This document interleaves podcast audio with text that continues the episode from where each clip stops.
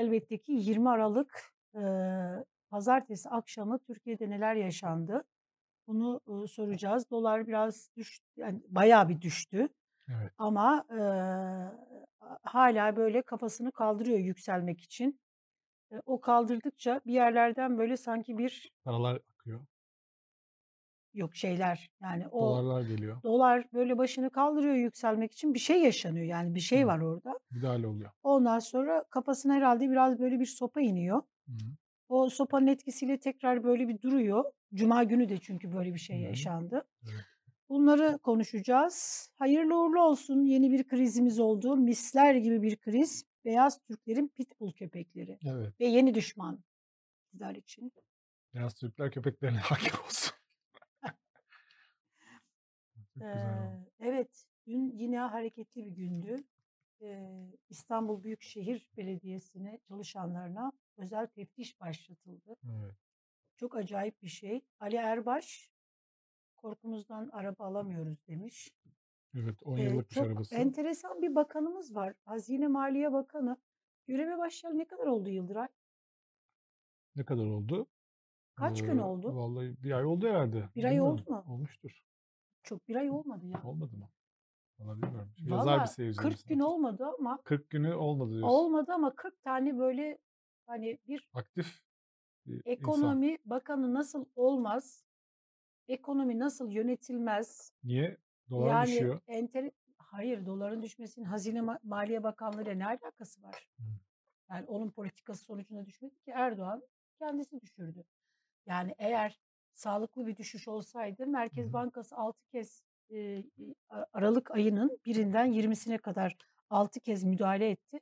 Merkez Bankası'nın düşüremediği doları, işte, Cumhurbaşkanlığı hükümet sisteminde tek kişilik yönetimin gücünü gördük biz, yani bu yönetimin şeyini, indirdi sopayı, düşürdü gibi. Yani bir şeyler oldu. Ne diyorsun Yıldıray? Ekonomi Bakanı, yani Maliye Bakanı önce çıktı dedi ki, eee, "Ekonominin garantisi benim." dedi. Mesela ekonomide böyle bir şey var mı? Yani bir ülkede, eee, ekonominin garantisi, Ekonomi Bakanı benim diyor. Iıı, Evet. Ekonomi Bakanı olur mu? Şeyi biliyor musun? Senin yaşın uygun mu? Doğu Bank vardı, eee, şeyde, Sirkeci'de. o kadar uygun. O o kadarına uygun mu? Ben hiçbir şey almadım ama orada böyle şeyler satılırdı, hani, beyaz eşya ama bu satılan beyaz eşyalar spot mallar. Spot. Gümrüksüz. Evet, gümrüksüz. Eee, mesela orada gidersin yarı fiyatına, belki yarıdan daha az fiyatına piyasadan, hani, böyle ihtiyacın varsa her şeyini alırsın. Fakat, hani, onların bir garanti belgesi filan olmazdı. Eee, satın alanlar derdi ki, "Abi bu bunun garantisi var mı?" Onlar derdi ki, "Biziz kardeş." filan, hani, böyle ekonomi, hani, şeyin bozuldu mu bana getir. Bu biraz böyle, eee, bana onu anımsattı. Sana da öyle bir anımsatma yaptı mı bilmiyorum ama. Onu anım Ekonominin, garantisi benim dedi ya. Evet. Yani Yani bu, eee, şu anda doğrudan vatandaşı hepimizi Hıı. ilgilendiren şey tarafı, Düş düşmesinin fiyatların düşmesi. Yani eğer bu fiyatları çünkü fiyatları arttırdı. Yani dolar yükselirken fiyatlar arttı. Hepimiz hayatında öyle şey oldu. Yani doları olmayan, normal, hani, böyle büyük, yatırımcı olmayan, herkesin doları var da hı. bir miktar, şey olmayan, yani, hani, böyle bütün yatırımları dolarda olmayan, şey için, sıradan vatandaşlar olarak bizi ilgilendiren tarafı acaba bu, işte, ya akaryakıt fiyatlarını, düşürecek mi ve fiyatları düşürecek mi? Temel mesele hı. bu. Yani Evet. yoksa niye davul zurnayla kutlamış olsun ki? Dönüp dönüp oraya geliyoruz. Bugün, işte, Karar'da İbrahim Kahveci'nin, yazısı, manşet olan yazısı o anlamda önemli. Yani, bu şu anda düşürmüyor çünkü, hatta artma artış da var. Çünkü 17, 18, 16, 15 buralardan mallar alındı. Evet. Yani buralardan bir maliyet şey oldu. Yani şu anda da hı. akaryakıtta zaten düşüş olmadı. Onu ÖTV olarak alıyorlar. Eee, bu buralar bu yüksek maliyetlerle, eee, fiyatlara daha yansımadı. Yansımaya başladı şu anda aslında. Daha hı. daha önceki artışın yansımalarını yaşıyoruz yani. Şimdi bir de onlara baskı yapıyorlar. Daha önce adam mesela, Hı do yani akaryakıtın, işte, şu anda da zaten yüksek. zamlandığı, sürekli zam yaptığı dönemde e, mal almış adam. Ya da o dönemde bir şey üretmiş. 7 gün oldu değil mi?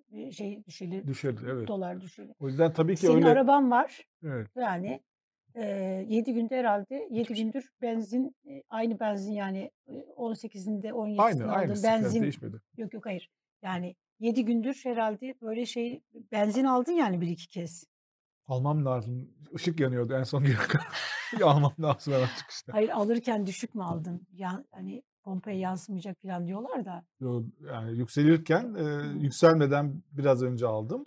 Yükselmeden her gün yükseliyordu bir ara. O aralardan bir yerden aldım yani de. Bitti. Artık yüksekten alacağım maalesef. Düşmüyor da.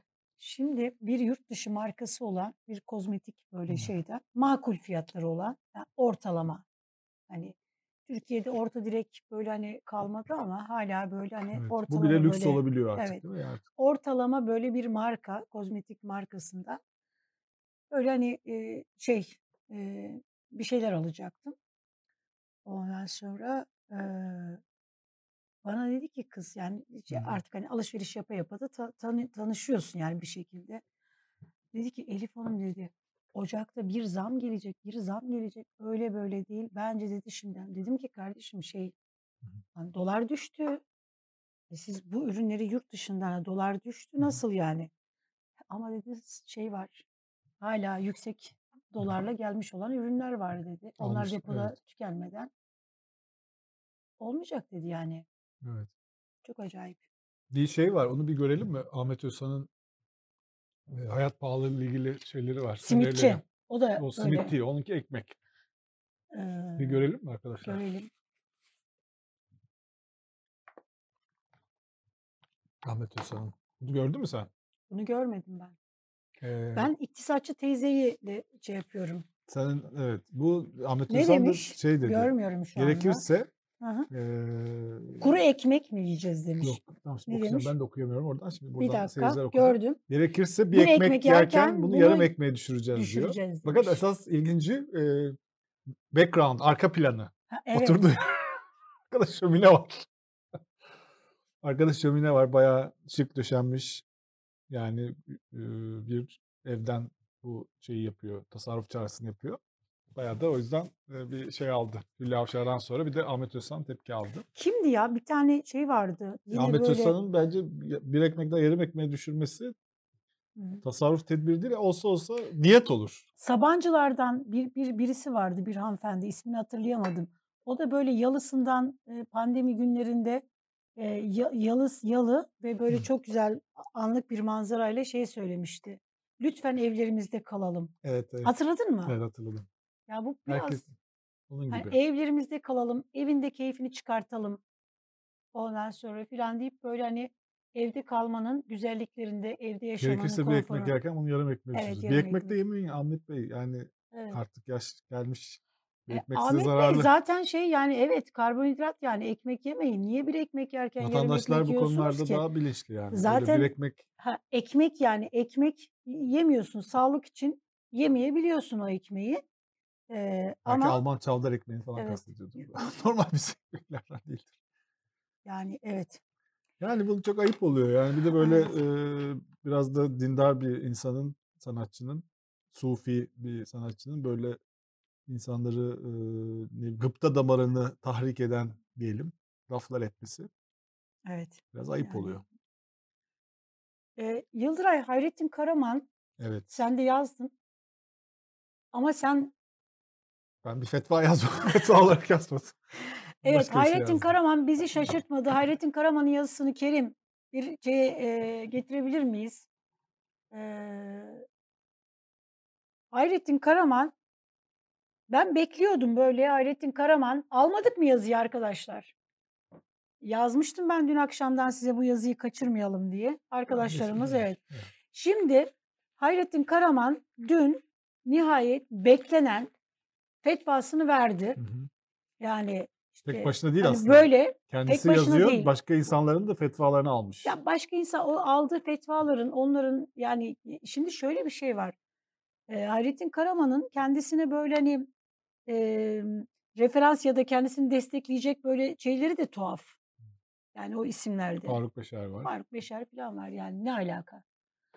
Ee, hani koskoca Hayrettin Karaman kendisi hani öyle mi olur Hayrettin Biraz Karaman ortak etmeye çalışmış Hayır başkalarını tamam da sanki. Hayrettin Karaman kendine bir böyle hani ortak edeceksen kendi kulvarındaki, kendi klasındaki daha büyük böyle hani kallavi kanaat önderlerinden alsaydın da görseydik. Onlardan alamadı mı Yok ya acaba? a işte yani alsaydı onlardan fetvayı deseydik, ha bütün böyle hani evet canım bak sadece Hayrettin Karaman değilmiş. Alsaydı mesela Ali Bardakoğlu'ndan gibi ondan sonra daha böyle hani, eee, üst düzey fıkıh uleması, alimi diyebileceğimiz kişilerden. Yani bu bile, eee, bir şey. Diyor ki faiz değil, fetv şey hibe. Hibedir. Ahmet Davutoğlu'nun verdiği cevap çok güzel. Ahmet Davutoğlu, gerçekten hem böyle hani gün birken hani bunun hibe olabilmesi için yani hibe bir bağış. Eee, bağışın miktarı olmaz. Bağışın böyle karşılığında hani sen bu bağışı verirsen, eee, karşılığında hani sana şu olacak denmez. Yani hibenin karşılığını, eee, Allah verir cennette hani sen bir bağış, sadaka bir şey yaparsın. Eee, bu böyle değil yani. Bu bu değil. Sen ne düşünüyorsun bilmiyorum. Valla ben öyle Hayrettin Karaman'la fetva yarıştıracak bir şeyim yok yani hani. Eee, herhâlde bu insanlar din alimi, Evet. dindarlar. Böyle bir fetva vermenin vebalinden korkuyorlardır. O yüzden en doğrusunu söylemişlerdir herhâlde araştırıp. Ben o yüzden, eee, onlarla bu dini şeyde yap yapmak yani ayıp olur.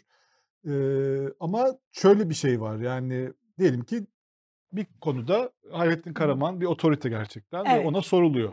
Ve deniyor ki böyle bir TL şeyi var. Herkes bunu Hı tartışıyor. hı. Eee bununla ilgili ne düşündüğü soruluyor. Şimdi bu di yani fıkhi bir mesele değil mi? Yani Evet. böyle işte tem Hı hı. literatürden örnekler verecek, işte ne olduğunu açıklayacak falan. Böyle bir, eee, be ya önemli bir de hassas bir konu bu. Başkaları Hı da hı. demiş ki mesela İsmaila Ağa cemaatinden insanlar demiş ki hayır asla bu bir faiz kesinlikle demiş. Böyle bir tartışma da var. Eee, bir siyasi bir konu aynı Hı zamanda. hı. Çünkü Cumhurbaşkanı bunu açıkladı. Cumhurbaşkanı aynı zamanda faize karşı olduğu için Merkez Bankası'na faiz arttırmıyor. Böyle bir, eee, fetva yazısının girişi şöyle mi olmalıdır mesela? Okuyayım ben girişini, yazısını Oku. istersen. İçeriden ve dışarıdan Erdoğan'ı düşürmeyi dava edilmiş olanların oyunları yüzünden altın ve döviz fiyatları çok hızlı bir şekilde yükselmeye başlayınca o çevreler ellerini ovuşturmaya, bir kısmı iktidar, bir kısmı intikam, bir kısmı da sömürü hesapları yapmaya koyuldular. Alınan zamanında ve yerinde tedbir ile fiyatlar normalleşme yoluna girdi. Bu defa da devletin ödemesinin faiz olup olup olmadığı tartışması ortaya çıktı. Şimdi böyle başlıyor. Şimdi böyle başlayan bir, eee, fetvanın sonunun ne olacağı belli değil mi?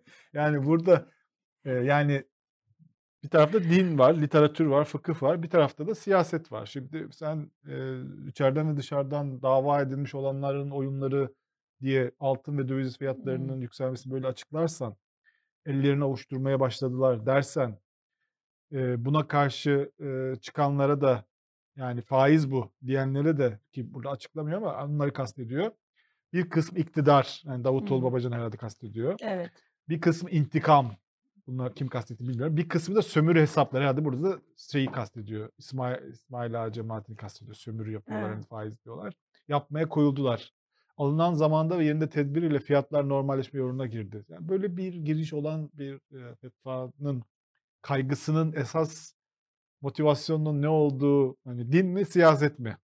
Hangisi olduğu, eee, çok belli yani. O yüzden böyle bir giriş olmamış yani. Hani diğerlerinin girişleri de öyle. Diğerleri de diyor ki sen şimdi okurken şundan korktum. Hayrettin Karaman ister misin bizimle alakalı da zındıklar mındıklar diye böyle fetva versin?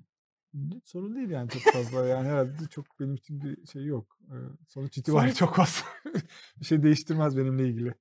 Allah katında da. Eee, mesela biri de Faruk Beşer mesela şöyle demiş. Devlet buna mecbur göz gö gözüyor. Gözüyor yani gözüküyor olacak herhâlde yanlış Hımm. yazılmış. Eğer öyleyse akıllı diyemesek de rasyonel bir çözüm bulmuştur. Devlet adına bir zaruret vardır. Yapılanlara bu yönüyle bakmak lazımdır diyor. O da böyle zaruret kapısını açmış. Eee, Mehmet Odabaşı o da bir katılım bankasının yönetiminde olan işte İslam faiz konuları uzman bir birisiymiş. O da mevcut karar bir yangın yerinde acilen alınması gereken bir tedbirdi. Elhamdülillah gördüğümüz kadarıyla başarılı oldu.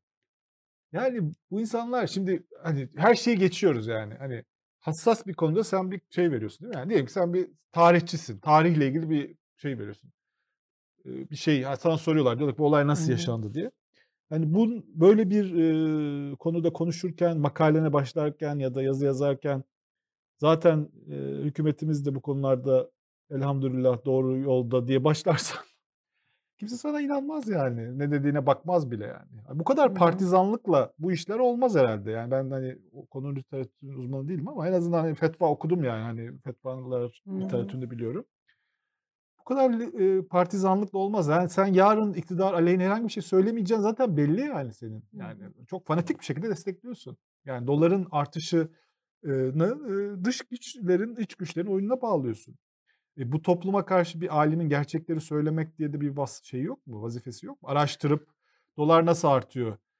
E, bunun vebali nedir? İnsanlar niye fakirleşiyorlar? Bu konularda da e, fetva yayınlamak, bu konularda da dinin hükmü nedir diye hatırlatmak diye alimlerin, bu alimlerin bir görevi yok. Böyle bir ahlaki sorumluluk hissetmiyorlar. Mesela diyelim ki herkes şunu tartıştı değil mi geçen hafta?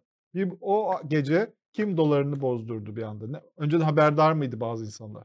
Mesela herhangi bir alimin yani bir devlet adamına ya da bir bürokrata yani eğer sizin bilginiz dahilinde bir ekonomik icraat varsa ve bunun sonucunda da bir çıkar ortaya çıkıyorsa e, bu bilginin işte şöyle saklanması lazım. Eğer bunu şunlar falan duyarsa ve bundan çıkar ederse şöyle haramdır. Mesela böyle hiç, hiç böyle fetva veren alim gördünüz mü? Bunlar sadece devletin ihtiyacı olduğunda koşuyorlar. Fetvaya koşuyorlar. Ama, İçtihat kapılarını evet, sonuna kadar açıyorlar. Evet. Diğer konularda mesela bir sürü insanın bir sürü sorunları var değil mi? Modern bir dünyada yaşıyoruz. İnsanlar, gençlerin sorunları var. Oralarda aman o yasak, bu haram, onu yapma, bunu yapma. İnsanlara böyle kapalı bir şey çiziyorlar. İçtihat kapısını kapatıyorlar.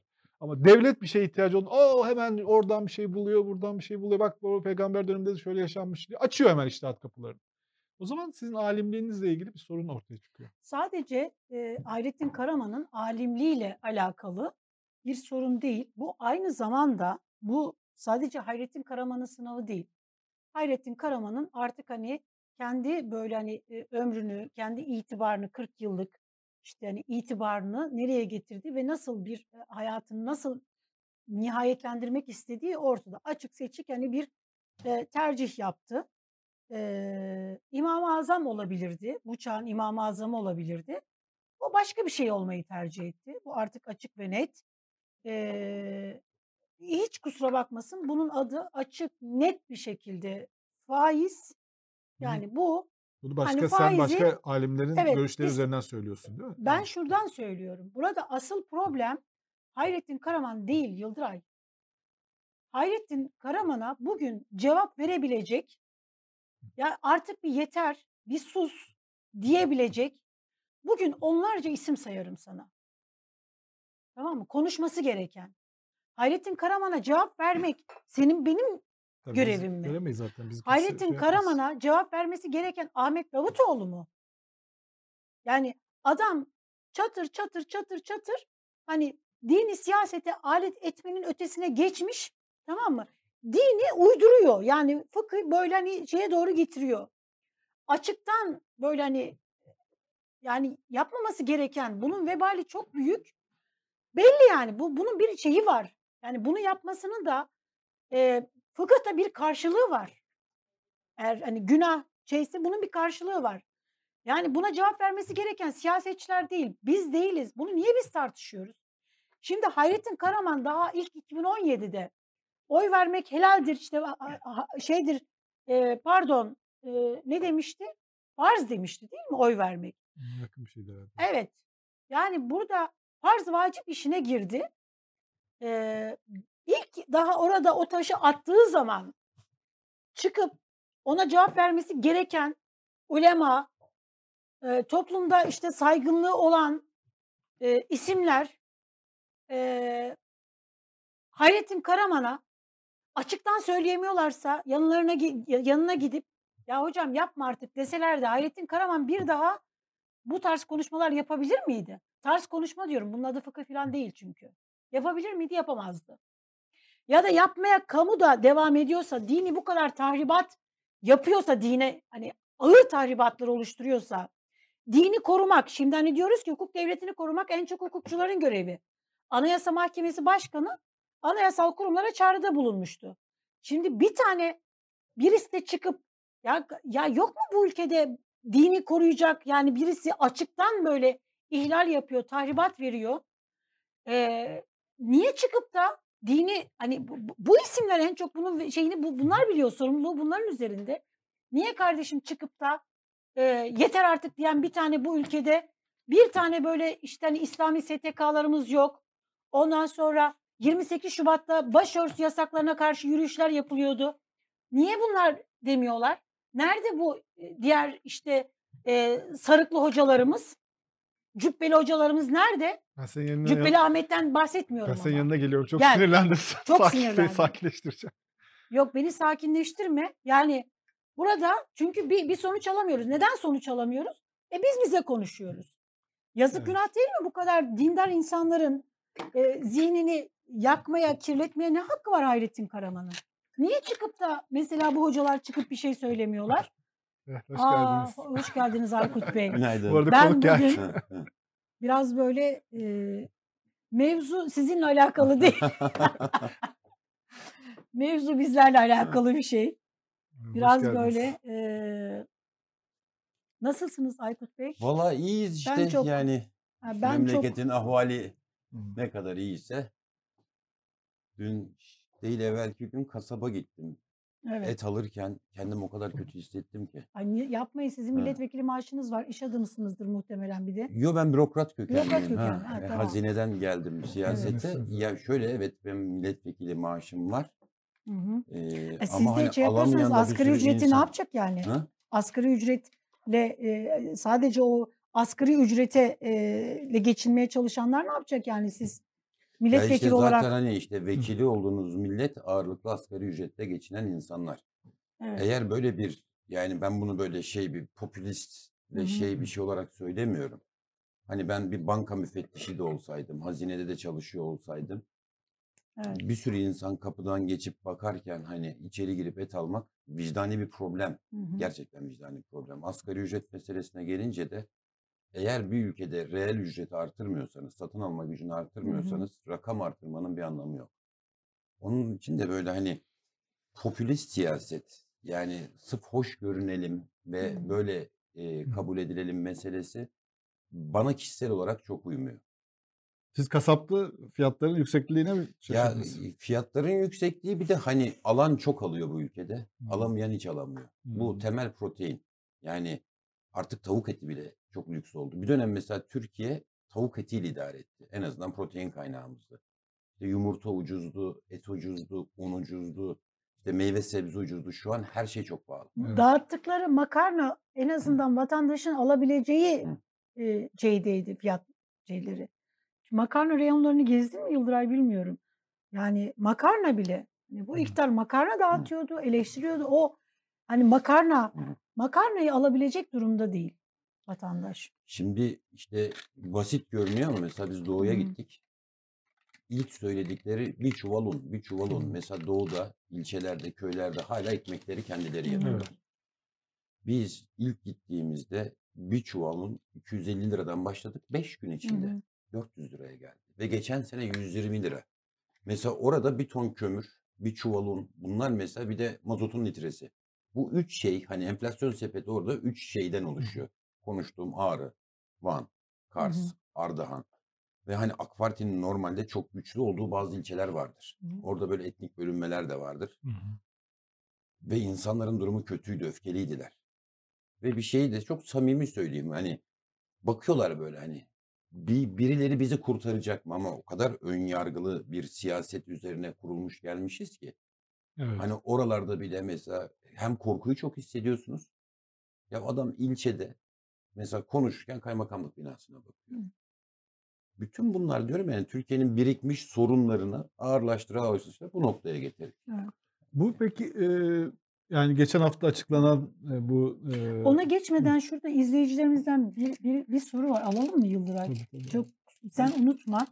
Diyor ki e, kasaba giden ve Hı. işte hani eti Hı. pahalı bulan, fiyatı pahalı bulan birisi olarak simit tavsiyecilerine nasıl bakıyor Aykut Bey demişler. Ya şöyle yani simit üzerinden siyaset hani Türkiye'de böyle tencere siyaseti, simit siyaseti ben yine söylüyorum ben siyaset background'lı biri değilim. Ben teknokratım. Bana şey geliyor biraz samimiyetsiz geliyor. Yani simit çok lezzetli bir şeydir.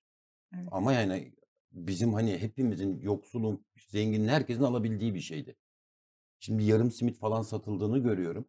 Bize çok şey gelmiyor belki. Yarım simit mi satılıyor? tabii bir sürü yerde mesela İzmir'de falan çok resimleri ya yarım simit satılıyor. Oo. Bizim için hani yok canım bu abartı diyoruz ama mesela gidin mesela Esenyurt'ta. Üç bir- buçuk lira simit Ha, yani şu an değil mi? Üç buçuk lira. Tabii. olan. 4 lira, 3,5. Hı. Yani Mesela Evet. geliyor 50 kuruş eksik.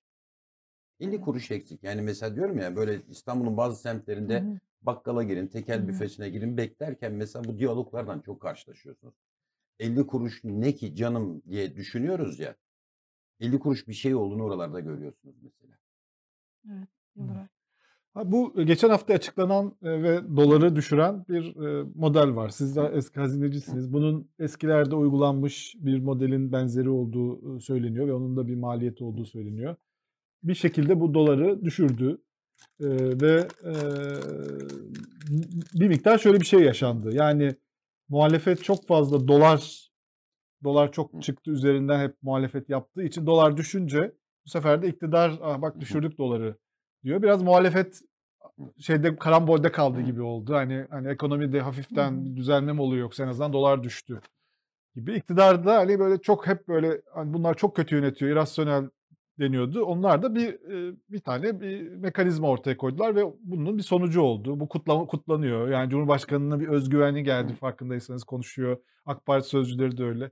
Siz burada hani önce şeyi mesela konuşalım. Yani muhalefetin böyle biraz karambolde kaldığı, hani ne diyeceğini bilemediği, yani çok fazla dolar üzerinden siyaset yaptı. Siz de hazineci olduğunuz için böyle düşünüyor musunuz siz? Yani Yani sadece muhalefet şey karambolde kalmadı. Herkes karambolde kaldı. Evet. Eğer bir karambolden bahsediyorsak zaten ekonomiyi kötü yönetmek bütün herkesi kendiniz dahil karambolde bırakmaktır. Evet. Mühim olan ihtiyatlı bir şekilde sürpriz olmayan bir ekonomi. Hani beklenti ekonomisi deriz ya. Hani mesela bugün FED'e bakın işte iki sene sonra şu kadar faiz artıracağım diyor. Evet. Mühim olan öngörülebilirliği ortaya koyuyor. 0.25 artıracaklar. Yani artırdıkları da bu. Onun için döviz kurunun 18 liraya çıkıp sonradan muhalefeti karambole uğratmaksa evet şok bir şey. 18 liraya çıkan döviz 11 liraya iniyor. Yani eğer bu başarı görüyorlar evet çok başarılar. Şok Timothy olduk. Eş de şaşırdı. 30 yıllık iktisatçıyım ben Hı. böyle bir düşüş görmedim dedi. Ya şöyle şey. Yıldıray Beyciğim dolar 1 lira iner mi? Yok. İner. Öyle mi? 3 gün boyunca indirirsiniz. Eldeki bütün rezervi koyun 1 liradan açtım deyin. Piyasa eğer dışa kapalıysa 3 gün boyunca ki kapattık biz swapları, yurt dışı Hmm. işlemlerini. Peki bu bir başarı mıdır? Bakın hani biz yanlış bir yerden not veriyoruz. Evet. Hani karnemize doğru bir yerden not koyamıyoruz. Şu an yapılan şey şu. Bir titan zinciri oluşturuluyor. Yani bir çiftlik bank ekonomisi var şu an itibariyle. Çiftlik bank ilk kurulduğunda ilk kurucular ne kadar mutluydu. Ya herkes işte alttan yeni üye geldikçe para gidiyor geliyor. Bu da onun gibi bir şey. Bir süre sonra yeni üye gelemediği zaman büyük çöküş olacak ya şu an itibariyle döviz kurunu tutmak için Merkez Bankası'nın iyice erimiş rezervleri daha fazla eritiliyor. Hmm. Yani bu bir başarıysa bravo vallahi Tayyip Bey'e helal olsun büyük ekonomist. Bu bir model mi? Ya şöyle bu Bu bir ekonomik model diyebilir miyiz buna? hayır ekonomik model diyemeyiz. Bir kere model tanımı farklı. Hmm. Bu bir uygulama. Kötü bir uygulama. Yani bu yani çok basit bir şey. Şu an piyasaya döviz veriyorlar. Dövizi düşürüyorlar. Ve diyorlar ki sana ben kur garantisi vereceğim. Evet. Şimdi tabii bunu anlayabilmemiz için enflasyon, faiz, kur arasındaki sadece bunlar arasında ilişki Hı hı. yoktur. Bu arada bir şey vardır. Ee, ekonomistler arasında bir şaka vardır. Mesela bir lambayı değiştirmek için kaç ekonomist gerekir? Cevap 20 ekonomisttir. Neden diye sorarlar. Biri lambayı değiştirirken 19'u her şeyi sabit tutmak için. Bu Hmm. şu demek yani ekonomide her şey 20-30 tane değişken birbirini etkiliyor demek. Lambayı değiştirirsin. Hı. Yani yani diyor ama işte diyorum ya kalan her şeyi sabit koyduk. Mesela kuru baskıladınız. E, faiz, enflasyon, işsizlik, büyüme. İşte Ne olacak açık. mesela bunun maliyeti? Siz ne görüyorsunuz? Şimdi şöyle Vallahi deniyor şöyle, ki İlber dolar da diyor artmazsa bunun bir e, hazineye maliyeti Tamam olmayacak işte deniyor. dolar artmazsa ön koşulunu hemen açmalıyız. Dolar Evet. niye artar? Çünkü bir ülkenin para birimi başta özellikle diğer ülkenin para birimine karşı satın alma gücünü kaybediyorsa yani enflasyon varsa diğer para birimi değerlenir. Enflasyon olan para değer kaybeder. Demek ki ilk bakacağımız tabii bunun beklentisi, şuyu, buyu bir sürü şey var ama ilk bakacağımız enflasyon. Evet. Şimdi enflasyonu niye bunlar TÜİK üzerinden sürekli düşük açıklıyorlar? Çünkü enflasyon bütün bunları belirleyen temel gösterge.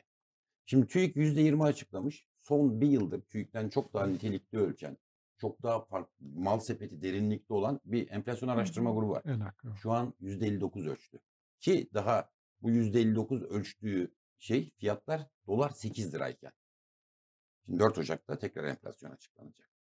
Ki şu eğer bu 18 lira hareketlerin fiyatlara yansımasına bakarsanız 15-20 aylık enflasyon bunlar şey hafif rakamlar. Üretici endeksi zaten Türkiye- %50'ye yaklaşmıştı. Ha, Türkiye reel olarak 3 haneli yani 100 puan üzeri bir enflasyona koşuyor. Hmm. Şimdi dönelim. Döviz kurundaki büyük artışın birinci sebebi neydi? Tayyip Bey'in faiz ısrarı. Ama asıl piyasayı şey yapan neydi? Korkutan ve tetikleyen asgari ücrete %50 zam verilmesi. Şimdi bir taraftan siz enflasyona %20 diyorsunuz. Sonradan asgari ücrete yüzde... Şimdi asgari ücret sadece asgari ücret diye düşünülemez. Ücretler genel seviyesini %50 artırmanız gerekiyor. Çünkü siz 4500 lira eğer asgari ücret diye veriyorsanız artık 5500 liraya polis çalıştıramazsınız. Polisin maaşına bir 8000 lira yapmak zorundasınız. Emeklinin maaşı özel sektörde çalışan ücretler genel seviyesi yükselecek demek. Peki ücretler genel seviyesi yükseldi. Hepimizin maaşı diyelim ki hepimizin cebinde 1000 lira vardı. Hepimizin cebinde şu oldu da 2000 lira var. Ve hepimiz de buradaki malzemeleri alacağız. Buradaki bardak sayısı, mikrofon sayısı artmadığı zaman ne olacak? Bardağın ve mikrofonun fiyatı artacak. Bu da piyasaya şunu söyledi. Tayyip Bey enflasyonun ipinin ucunu kopardı. İnsanlar bir baktı ya benim şu an 1000 liram var. Gelecek sene reel olarak 1000 liramla bugün alabildiğimi şeyde gelecek sene 2000 lirayla alacağım. Yani param 2000 lira olsa dahi gidip aynı malları alabileceğim. Aynı arabayı, aynı telefonu, aynı bardağı, aynı çayı. Bu ne demek? Benim param eriyor demek.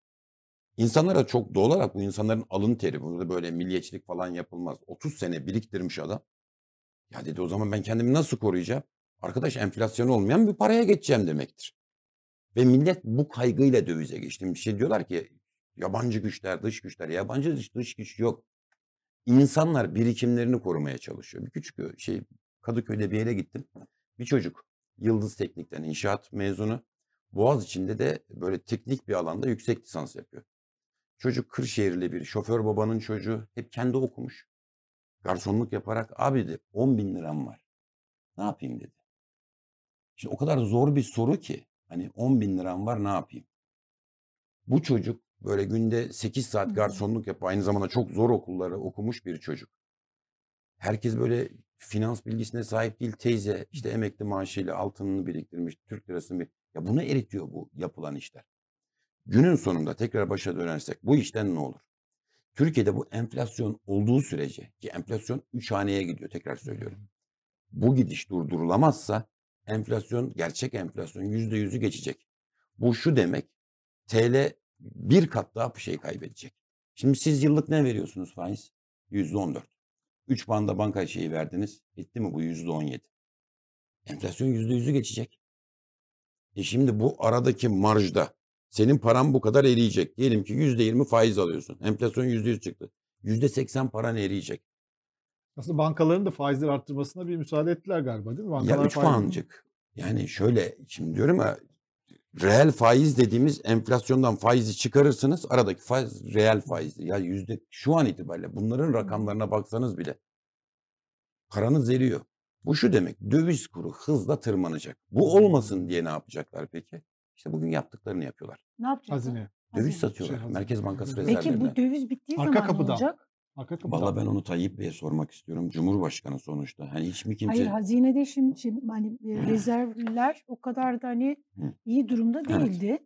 Şimdi yani ne kadar rezerv olduğunu da e, bilmiyoruz. Şöyle şimdi iki tane rezerv Şimdi rakamı. bir şey Hı. sorabilirim. Çok Tabii. parantez açarak bu soruyu Tabii, tabii. soracağım. Hemen kapatalım. Şimdi Cumhurbaşkanı Erdoğan 8 Aralık Katar dönüşünde dedi ki e, Merkez Bankası'nın rezervleri 124 milyar Dolar. geçti dedi. Hı hı.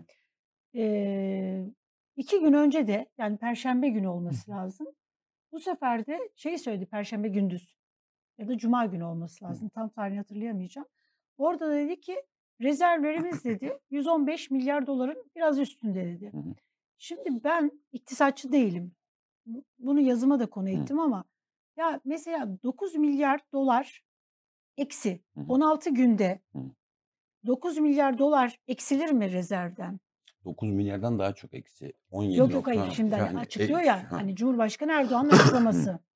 Yani orası hemen hani biz diyoruz ya orası hemen kullanılmaz yani Merkez. Bankası'nın rezervinin hangi şartlarda ve hangi koşullarda kullanılacağı açık, net, belli. Şimdi 9 milyar dolar. Yani Cumhurbaşkanı Erdoğan'ın söylemini yani açıklamasını e, referans olarak bunu söylüyorum. Şimdi şöyle bir şey. Birincisi 9 milyar dolar değil. Sadece o şeyi açıkladıktan sonra sattıkları para 17 milyar dolar. Şimdi biraz rezervi biraz da hani çok basit piyasa mekanizmasını bilirsek bu işi anlarız. Şimdi merkez bankalarının görevi fiyat istikrarını sağlamaktır.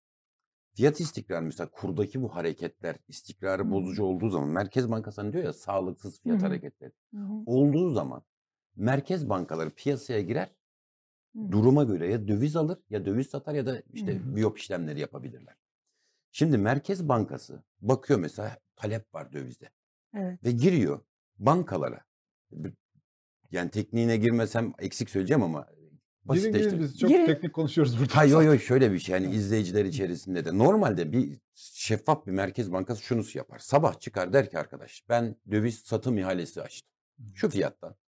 Bana teklif verin. Bunu dahi yapmayıp kamu bankalarının üzerinden arka kapı dediğimiz yani Merkez Bankası parayı kamu bankalarına gönderiyor. Kamu bankaları da piyasaya giriyor döviz satıyorlar. Bunu e, Lütfü Elvan böyle bir şey yapmayacağız artık demişti. Daha önceki. Bu yüzden Tekrar Lütfü buraya Bey- geri dönüldü Lütfü yani. Bey sanıyorum görevden bu yüzden oldu. Yani çünkü Lütfü Bey ile Naci Bey'in izlediği iktisat politikası daha kabul görmüş. Hani bildiğimiz iktisat bilimine Ortodoks uygun götürmeye çalışıyorlardı. Bu yüzden görevden oldular. Şimdi burada yaptıkları şu piyasaya şunu yandırmaya çalışıyorlar. Döviz düşüyor kardeşim. Döviz düştüğü için sen de gel evindeki dövizi sat. Şimdi Tayyip Bey buna inanmış olabilir ama aklı başına biri diyor ki ya döviz nasıl düşecek? Dövizin düşmesinin tek yolu enflasyonu düşürmek. Hı. E sen peki asgari ücrete %50 zam verip bir sürü üzerine böyle Türkiye'de üretim artışı yok yani bilmem ne yok yani üstelik enflasyonu %20 sahte açıklayarak nasıl döviz düşecek? İnsana şöyle diyor döviz düşmeyecek. O zaman ben paramı bozmayacağım. Beni inandırmak için de şunu yapmaya çalışıyorlar. Merkez Bankası elindeki o rezerv mesim- şeyini mekanizmasını da açıklayayım. Dövizde sürekli satıyor. Tek dertleri var. Vatandaşa bak döviz düşecek diye inandırmaya çalışıyorlar. Vatandaş inanıyor mu? Valla benim gördüğüm inanmıyor ki Merkez Bankası. Çünkü vatandaş inansa kendi elindeki dövizi bozdurur. Vatandaş bozduruyorsa Merkez Bankası niye satsın? Üstelik hani normalde bu sistem çalışıyor olsaydı vatandaş satarken çünkü bir sürü eksi rezervimiz var. Merkez Bankası'nın ufak ufak alması lazımdı. Ki rezervlerini tamamlayabilsin. Şimdi eksi rezerv varken Merkez Bankası bütün gücüyle satmaya devam ediyor. Peki Peki bu- bunun evet. Merkez Bankası'nın rezervleri sattığını, vatandaşın buna ilgi duymadığını yani Hı. inanmadığını biz e, hani belgesiyle Merkez Bankası bilançosundan göreceksin. ne zaman göreceğiz bunu? İşte her perşembe açıklanıyor diyorum ya 17 Evet. milyar dolar daha düşmüştü. Evet. Şimdi rezerv Şimdi mekanı. peki Hı, bir şey daha soracağım. Tane tane böyle. Hı. Şimdi bunu aslında biz göreceğiz. hı, 20 Aralık gecesinde hı. bir anda doların patır patır patır Hı. patır 12,5 Hı. işte hani ve ertesi günde 11'leri e, görecek şekilde o hani dendi ya 1 Hı. e, milyar 750 milyon en son İş Hı. Bankası Başkanı'nın açıkladığı rakam buydu. Sonra da rakam açıklanmadı. Şimdi biz hani 1 milyar 750 milyon doların e, kimlerin bozdurduğunu biz göreceğiz değil mi bunu? Kimlerin Öğreneceğiz. bozdurduğunu göremeyeceğiz. Biz kasayı göreceğiz. Hayır yok yok Ha, tamam. Yani kimler derken bundan ha. bahsediyorum. Kümülatif rakamı göreceğiz. Biz Evet. Ülkede Evet. toplamda ne kadar döviz alınmış, ne kadar döviz satılmış bunun Merkez Bankası bilançosundan göreceğiz. Ama kimlerin aldığını görebilmek için BDDK'da olmak lazım. Bütün bankaların döviz alış ve satış hesaplarını görmek lazım. evet. Kimlerin alıp sattığını bizim teknik olarak görmemiz mümkün değil. Zaten Ben Uğur Gürses zaten yazdı evet, zaten. evet. Havuzu 7, göreceğiz ama oraya neler Evet. akmış 7 yani. milyar dolar e, banka başka Evet. bankalar üzerinden Merkez Bankası sattığı yazıldı Evet. zaten. İlk Yani şey hani bunu- açıklandı bilanço. 17 milyar dolar. Evet. Hatta bunun başka bir teknik hesapla Hı. 20 milyar doları geçtiği de söyleniyor. Çünkü Merkez. Bankası bilanço analizine giriyor. 20 milyar doları geçtiğine yönelik bir hesap da var. Peki şimdi Bürümekçi, Haluk Aykut Bey. Evet, hesabı mesela. yaptı. Evet, şimdi e, diyelim ki vatandaş ilgi göstermedi. Ortaya çıktı. Şimdi buradaki mevzu vatandaş dolarını Hı. bozdursun, Hı hı. getirsin, Evet. yastık altını çıkartsın, ekonomiye katkı Evet. sağlasın. E, Er, Sayın Erdoğan da yani Hı. a- ik- iktidar da bu paraları işletecekti. Ve ondan sonra ve herkese kar payı Hı. dağıtacaktı. Evet. Yani helal faiz dağıtacaktı. Şimdi bu vatandaş buna ilgi göstermezse, göstermediği ortaya çıkarsa bu model ya da uygulamayı iktidar ne kadar devam ettirebilir? Hani bir Çin modeli dedik, bundan vazgeçtik. Şimdi bu uygulamaya geçildi. Ne yapar burada? ne Normalde olur? bakın birkaç hafta bile devam edemezlerdi ama şöyle bir Aa, şey. Ben anlatabildim değil mi Tabii, derdimi? tabii. Tamam. Şu an itibariyle bütün gücüyle halkı buna ikna etmeye çalışıyorlar. hı. Halk ikna olmadı ne olur? Halk ikna olmadıysa rezervler iyice erimeye başladıktan sonra döviz katlanarak artmaya devam eder. Bunun ülkeye maliyeti ne olur? Yani Ya ülke derken yani bana, düşünün sana. ki şu an biz 50 Hı. milyar rezerv sattık 11 lira. Aha. Yarın tekrar 18 liraya çıktığında bu Aradaki şey, farkı. Siz Hibe. tekrar Merkez Bankası olarak o rezervi 11 ya Berat Bey'in döneminden hatırlayın. 6 liradan 128 milyar Hı hı. dolar sattı. Şu an kur 11-12 lira değil mi? Hı hı. Bugün yani hiç dövizin oynamayacağını düşünün ki siz rezerv almaya başladığınızda iyi çıkacak. Hı. Şu an her bir dolarda 6 lira zarar ettik. 128 milyar dolarla çarparsanız 6 çarpı 128 milyar TL eşittir bizim zararımızdır. Bu milletin zararı. Şimdi bu aynı operasyon daha derinleştirilerek gidiyor. Şu rezerv mekanizmasını anlatırsam hani şu an nereden satıyorlar? Evet. Merkez Bankası'nın bir kasası var. Kasada biraz kendi parası var. Biraz hazine koymuş. Biraz ihracatçı getirip koyuyor reskont kredilerinden. Ve en önemli kaynağı da bankaya siz mesela 1000 dolar yatırdığınızda Hı hı. ne oluyor?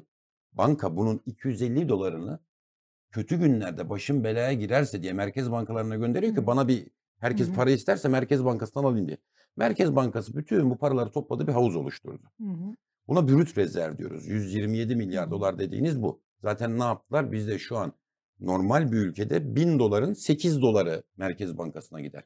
Bizde 25 dolara gidiyor. Bir parantez açayım. Hani diyorlar ya devlet bizim mevduatımıza el koyabilir mi? Ya zaten %25'ine koymuş. Kalanı da zaten bankada değil. O da kredi vermiş. Şimdi bütün bunları oluşturduktan sonra brüt rezerv üzerinden satış yapabilir. Benim 128 milyar dolarım var. Piyasa yükseldi. Al 1 milyar. Al 3 milyar. Al 5 milyar. E nereye kadar? Sonuçta tık tık tık tık tık tık tık gösterge aşağı doğru iniyor. Ve bir gün gelecek Merkez Bankası'nın elinde korkunç bir TL varlığı. Zaten kendisi print edebiliyor, kendisi basabiliyor. Ama çok az bir döviz varlığı. Ve bu ülkenin akaryakıt, ilaç, gübre bir sürü ithalat ihtiyacı var değil mi? Şimdi bütün umutları şu. Biz böyle bir tutalım birkaç ay. Bu sırada bir cari fazla vereceğiz. O cari fazla vermenin de çok ağır bir bedeli var. Hani şu gün yaşadığımız işler. Eğer biz bunu Mart'a Nisan'a kadar götürebilirsek Mayıs'ta da turizm gelirleri gelecek. Biz bununla döndürmeye çalışacağız. Ya Seçime kadar. ha, Bu Ama- biraz şeye benziyor Nasrettin Hoca'nın. Bahar gelecek, koyunlar Evet. geçecek, tellere Dikenler, evet, takılacak, ha. dikenlere Peki takılacak. bu e, ne yapılmadığı için bu yapılıyor? enflasyonla mücadele edilmek için bu yapılıyor. Yani şunu yapsaydılar mesela. Ben enflasyonla mücadele ediyorum kardeşim. Bu halk bunun bedelini ödeyecek. Sağlam siyasi bir iradeyle gelseydiler. Çünkü ülkenin çok borcu var, üretimi çok az, yüksek bir ithalatı var. Ama bunda yapacak hal yok çünkü gelir dağılımı çok bozulmuş durumda. Seçime gidiyoruz bir de. Ya işte seçim, diğer Evet. işler bilmem neler hani siz şuna yüreğiniz yetiyor olabilseydi arkadaş ben asgari ücrete zam veremiyorum. Nasıl vermeyeceksin insanlar açlıktan ölüyor. Kuru getirmişim buraya. Şimdi bakın normal sağlıklı bir ekonomide iki şey arasında denge kurulur. Enflasyon işsizlik veya büyüme. Normal bir ülke bakar ki ya işsizliğim çok yükseldi. Ya biraz enflasyonu yükselteyim ki işsizlik düşsün diye. Baktı enflasyonun çok yükseliyor. Ya biraz işsizlikten fe- feragat edeyim. Yani faizi biraz yükselteyim ki enflasyon düşsün diye. Şimdi bizde ikisi de bizden tavanda. Hem enflasyonumuz çok yüksek hem işsizliğimiz. Şimdi Tayyip Bey böyle bir çaresizlik içerisine bırakıp ya dünyanın bütün milletleri ahmak falan değil. FED faiz artırıyor. Çünkü pandemide para bastı. ECB faiz artırıyor. Japon Merkez Bankası. Bunlar hani bunlar biz böyle biricik özel bir zekamız yok. Şimdi bütün bunlar bunu yaparken Tayyip Bey hem enflasyonu hem faizi buralara getirmiş. Elde rezerv bırakmamış. Şu an bir çaresizlik içerisinde hani şey var ya böyle iflas etmişsinizdir. Cebinizde son 100 lira vardır. Gider at yarışı oynarsınız. Ya arkadaş zaten iflas ettim hani. Çık, bu bu ekonomi mantığı. Kazanabilir mi peki? Çünkü e, At yarışını kazanma ihtimali neyse. var bu- yüksek. Yok İyi yani bir şey, şey yaparsanız. yo, istatistik olarak. Atlarla hani- şey yaparsanız. Yani binde bir bile şeydir, bir ihtimaldir. Bu işin sonu yani gideceği nokta şu. Elden daha fazla rezerv çıkacak birkaç ay içerisinde. Belli ki vatandaş da çünkü vatandaş bu tip rasyonel ekonomik karar mekanizmasıdır. Düşünün siz mesela bir öğretmen çiftsiniz. Topu topu 50 bin dolar para biriktirmişsiniz. 10 yıllık hayatınız, 15 yıllık hayatınız boyunca. Siz bunun ne olacağını araştırmaz mısınız? Adam bakıyor. Hmm. Ya arkadaş ben götüreceğim bunu bozduracağım. Döneceğim TL'ye. Yıllık sadece %14 faiz alacağım enflasyon neredeyse %100'e giderken. Ha bu arada eğer kur artası aradaki farkı bana hazine verecek. Verecek mi vermeyecek mi belli değil. Haram mı helal mi belli değil. 3 ay boyunca paraya dokunmayacağım. Türkiye'de ne olacağı belli değil. Neredeyse Oo, Aykut Bey siz de helal haram işlerine girmişsiniz. hanımefendi ben Erzurumluyum. hani ben böyle şey e, Yani helal mi haram mı belli değil derken bir Şöyle ben kişisel olarak belki beni tam bir tanımıyor olabilirsiniz. Ben. Erzurum Karslı bir ailenin çocuğuyum. Ee, büyük bir sülalemiz var. Ağırlıklı muhafazakar mütedeyyin insanlar da benim annem babam hep beş vakit namazında rahmetli oluncaya kadar evde ekmek yapan insanlar. Ya ben böyle hani şey için Ha söylemedim. yok yok hani o kültürü çok Ha, iyi evet. bilerek söylüyorum ama Yok, şunu da Şimdi söyleyeyim. hani iktisat Hı. bilimi Sen e, Aykut Bey'i beyaz Türk mü zannettin? Beyaz Türk sensin ya. Evde kedin var senin. Ee, şimdi bu arada beyaz Türk müsünüz? Ee, şu an itibariyle eğer Beyaz Türk'tanın milletvekiliyim. Milli gelirim yerinde. iyi Pitbull'unuz eğitim var aldım. mı? Pitbull'umuz yok. Labradorum var. Oo, bu neye giriyor? Şimdi pitbull mu daha iyi? Ben mavi kanım o zaman. Labrador. Bunu şunun için söyledim. Yani yanlış anlamayın. Hani bir e, alaycı üslup falan değil ama içinden geçtiğimiz süreç e, başka türlü e, şey yapılamıyor yani. Şimdi yani iktisat bilimi hani işte paranın dini imanı olmaz diyen bir cumhurbaşkanı başbakanlığı döneminde şimdi yani iktisat böyle hani İslami iktisat helal haram hani Türkiye Cumhuriyeti böyle hani İslam devleti oldu bizim haberimiz yok. Yani Ya bunu böyle sizin de şey. kanıksamış olmanıza Bakın Ee, bu her şimdi bu ülkede ben 84 milyon insan yaşıyor. Hı hı. Şimdi helal haram etik veya değil tartışması da vardır. Kiminin etik değeri bu belki başkasının helal Evet, değerini çok da aşabilir. evet. Arkadaş ben işçi sınıfının, yoksul sınıfın bu parasını gidip hazineden alamam. Hı hı. Mesela bu da bir disiplindir. Hani diyorum hak meselesi. Bu Evet. hangi Burada da disiplinden haram baktığınız- helal Ha. kaygısı Evet. gözetilecek Ha. bir şey bu. E, Evet. Ya onun için hangi disiplinden baktığınız, hangi terbiyeden ama sonuçta bir haksızlık olacak mı? Olacak. Benim 1 milyon dolarım var. Diyelim ki ben gittim bu parayı bozdurdum. Kur geldi 20 lira oldu. Bana 1 milyon dolar daha verecek. Kim verecek? İşte asgari ücretli verecek. Kim verecek? Başka bir disipline göre şehit çocuğu verecek. Başka bir disipline göre işçi sınıfı, yoksul sınıf. Ne diyorsanız. Bu çaresizlik. Çünkü hazine bunların hazinesi Evet. eğitime gidecek paradan kısılacak. Mesela ilaç katkı paylarından paralar kısılacak. Hani bütçeden ne istiyorsak para yok diyorlar ya o para iyice yok olacak. Şimdi Türkiye'deki Tayyip Bey'in yaptığı bir kötülük iyi kötü kamu maliyemiz biraz daha düzgündü. Her ne kadar yani Merkez Bankası'na göre bilançoya göre düzgündü. Kamu maliyesinde de bir sürü eksiğimiz var. Mesela biz devletin tam borcunu bilmiyoruz ilk defa. İlk defa bilmiyoruz. Niye bilmiyoruz? Çünkü 150 milyar dolarlık garanti vermiş. Bütçede yok. Ya işte şehir hastaneleri, enerji anlaşmaları, ulaştırma garantileri. Bunların mesela dış borç kütüğü sağlıklı tutuluyor mu? Bunu da bilmiyoruz. 6,5 milyar avro 3. Havalimanı'nın garantisi var değil mi? Her sene Hı ödüyoruz. hı. Bir tane maliyet çıksın, bütçede bu karşılık şurada görünüyor desin. Yok. Çünkü Allah devlet hava meydanlarının nazım hesaplarında. Devlet hava meydanları bir şirket. Siyah Evet. sermayesine ki 6,5 milyar avro garanti işi yapabilsin. Bunun gibi devlette inanamayacağınız işler var. Varlık fonu. Varlık fonunun borcunu göstersinler bana. 10 milyar avro. Nerede? Hazinenin bilmem ne hesabı. Ana hesaplarda yok. Karıştırıp karıştırıp karıştırıp bulacaksınız. Ah, Siz mi buldunuz bunu? İbrahim Çanakçı buldu. Hmm. Bizim eski müsteşarımızdır İbrahim Bey. Ben ondan biliyorum yani. 10 milyar euro e, Evet. borcu var öyle mi? Evet. Oo. İşte bunların hepsi- fonunun. Biz şimdi bir de şu an hastanın ateşi yüksek. Döviz kuruna ateş diye bakın. Ateşi yüksek, ateşi yüksek hep ateşi konuşuyoruz. Ya hastanın karaciğeri çürümüş. Hastanın böbreklerinde taş var. Bu yapılan ne biliyor musunuz?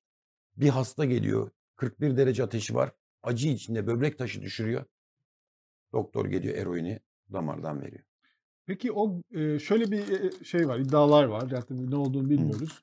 Deniyor ki e, hükümet e, iktidar yani doları yüksek yani dolar yüksek olsun işte ihracat e, şey olur Çin modeli olur diye doları önce bir yükselmesi için şeyde bulundu. Bir, bunun bilinçli olarak yükseltiyoruz gibi gösterdi. E, zaten faiz artırım faizleri de düşürdü Merkez Bankası'nda. Bütün işaretler doların yükseleceğini gö- gösteriyordu. En son Cumhurbaşkanı bu şeyi açıklamadan önceki gün, hemen bir önceki gün e, bir ödül töreninde e, benden bunu beklemeyin. Yani ben Hı. faiz falan Hı. arttırmayacağım. Hani böyle olacak bu iş e, dedi. Nas yine şeyini söyledi. Bir gün sonra ama yani bunu açıkladı. Yani bu sonuçta bir plan bu. Herhalde bir hazırlık sonucunda herhalde olmuş. Yani bir günde olacak bir şey değil herhalde bu. E, o an onu açıklayın yani Cumhurbaşkanı bir gün önceki konuşması yüzünden dolar 18'e çıktı. Bu açıklama yapınca da işte 11'e kadar geriledi. Burada e, burası o iki gün e, yani bundan haberdar olan insanlar için müthiş bir kar etme imkanı aslında. Ve böyle iddialar var. Tabii bunun bir somut şeyi yok, kanıtı yok. Siz nasıl görüyorsunuz yani? Böyle bu Şimdi iddialar buna- doğru olabilir mi? Bunun tam adı manipülasyondur. Ee, manipülasyonu tespit edebilmenin tek yolu da bankaların kamuoyu hesaplarının ince, kolay bir incelemedir ama o yetkiyi olması gerekiyor. Onun için hükümet değişmeden net olarak bunu bilmemiz mümkün değil. Ancak şöyle bir şüphe var mı? Var. Ee, bu hükümetin bütün uygulamalarını ihale sisteminden e, sahte enflasyona kadar baktığınızda kuvvetle muhtemel bir bilgi sızdırma olmuş olabilir. Ve bunun Türkiye'de sadece 18 lira için değil. Naci Abal'ın görevden alınması mesela. Hmm. Lütfü Elvan'ın görevden alınması. Mesela Cumhurbaşkanı faiz kararından önce çıkıp mesela yaptığı açıklamalar o iki saatte olan işlemler, beş dakika geç açıklaması böyle bir dolu spekülatif şey var. Yapılacak şey çok basit. İktidara geldiğinizde özellikle kaldıraçlı işlemler dediğimiz işlemler var. Yani 100 koyup 1000 işlem yapıyorsunuz. Yani 100 milyon dolarınız var. Açığa işlemlerle kurun nereye gideceğini biliyorsanız 1 milyar 2 milyar dolarlık işlem yapıyorsunuz. Bunları bankalardan isteyeceksiniz. Büyük ihtimalle paravan şirketler çıkacaktır karşınıza. Paravan hesaplar, tahtakale hesapları. Bütün bunları ayıklayıp şirketlerin gerçek sahiplik ilişkilerini bulduğunuzda bu ortaya çıkar. Bu sadece kurla ilgili değil. Sizde böyle bir şüpheniz var mı? Böyle bir şey olabileceğini? Ciddi bir şey. profesyonel biz buna profesyonel şüphe deriz. Eldeki deliller profesyonel bir şüphe duymamız için yeterince güçlü. Aykut Bey, e, biraz böyle hani akıl saçması bir soru olabilir ama Estağfurullah. e, şimdi do, TÜİK enflasyon oranlarını Hı. düşürüyor kağıt üzerinde düşük. Dolar da düştü. Hı. E, diyelim ki hani biz bugün şeyleri konuşuyoruz. Yani dolar düşüyor ama önemli olan bunun fiyatlara yansıması diyoruz.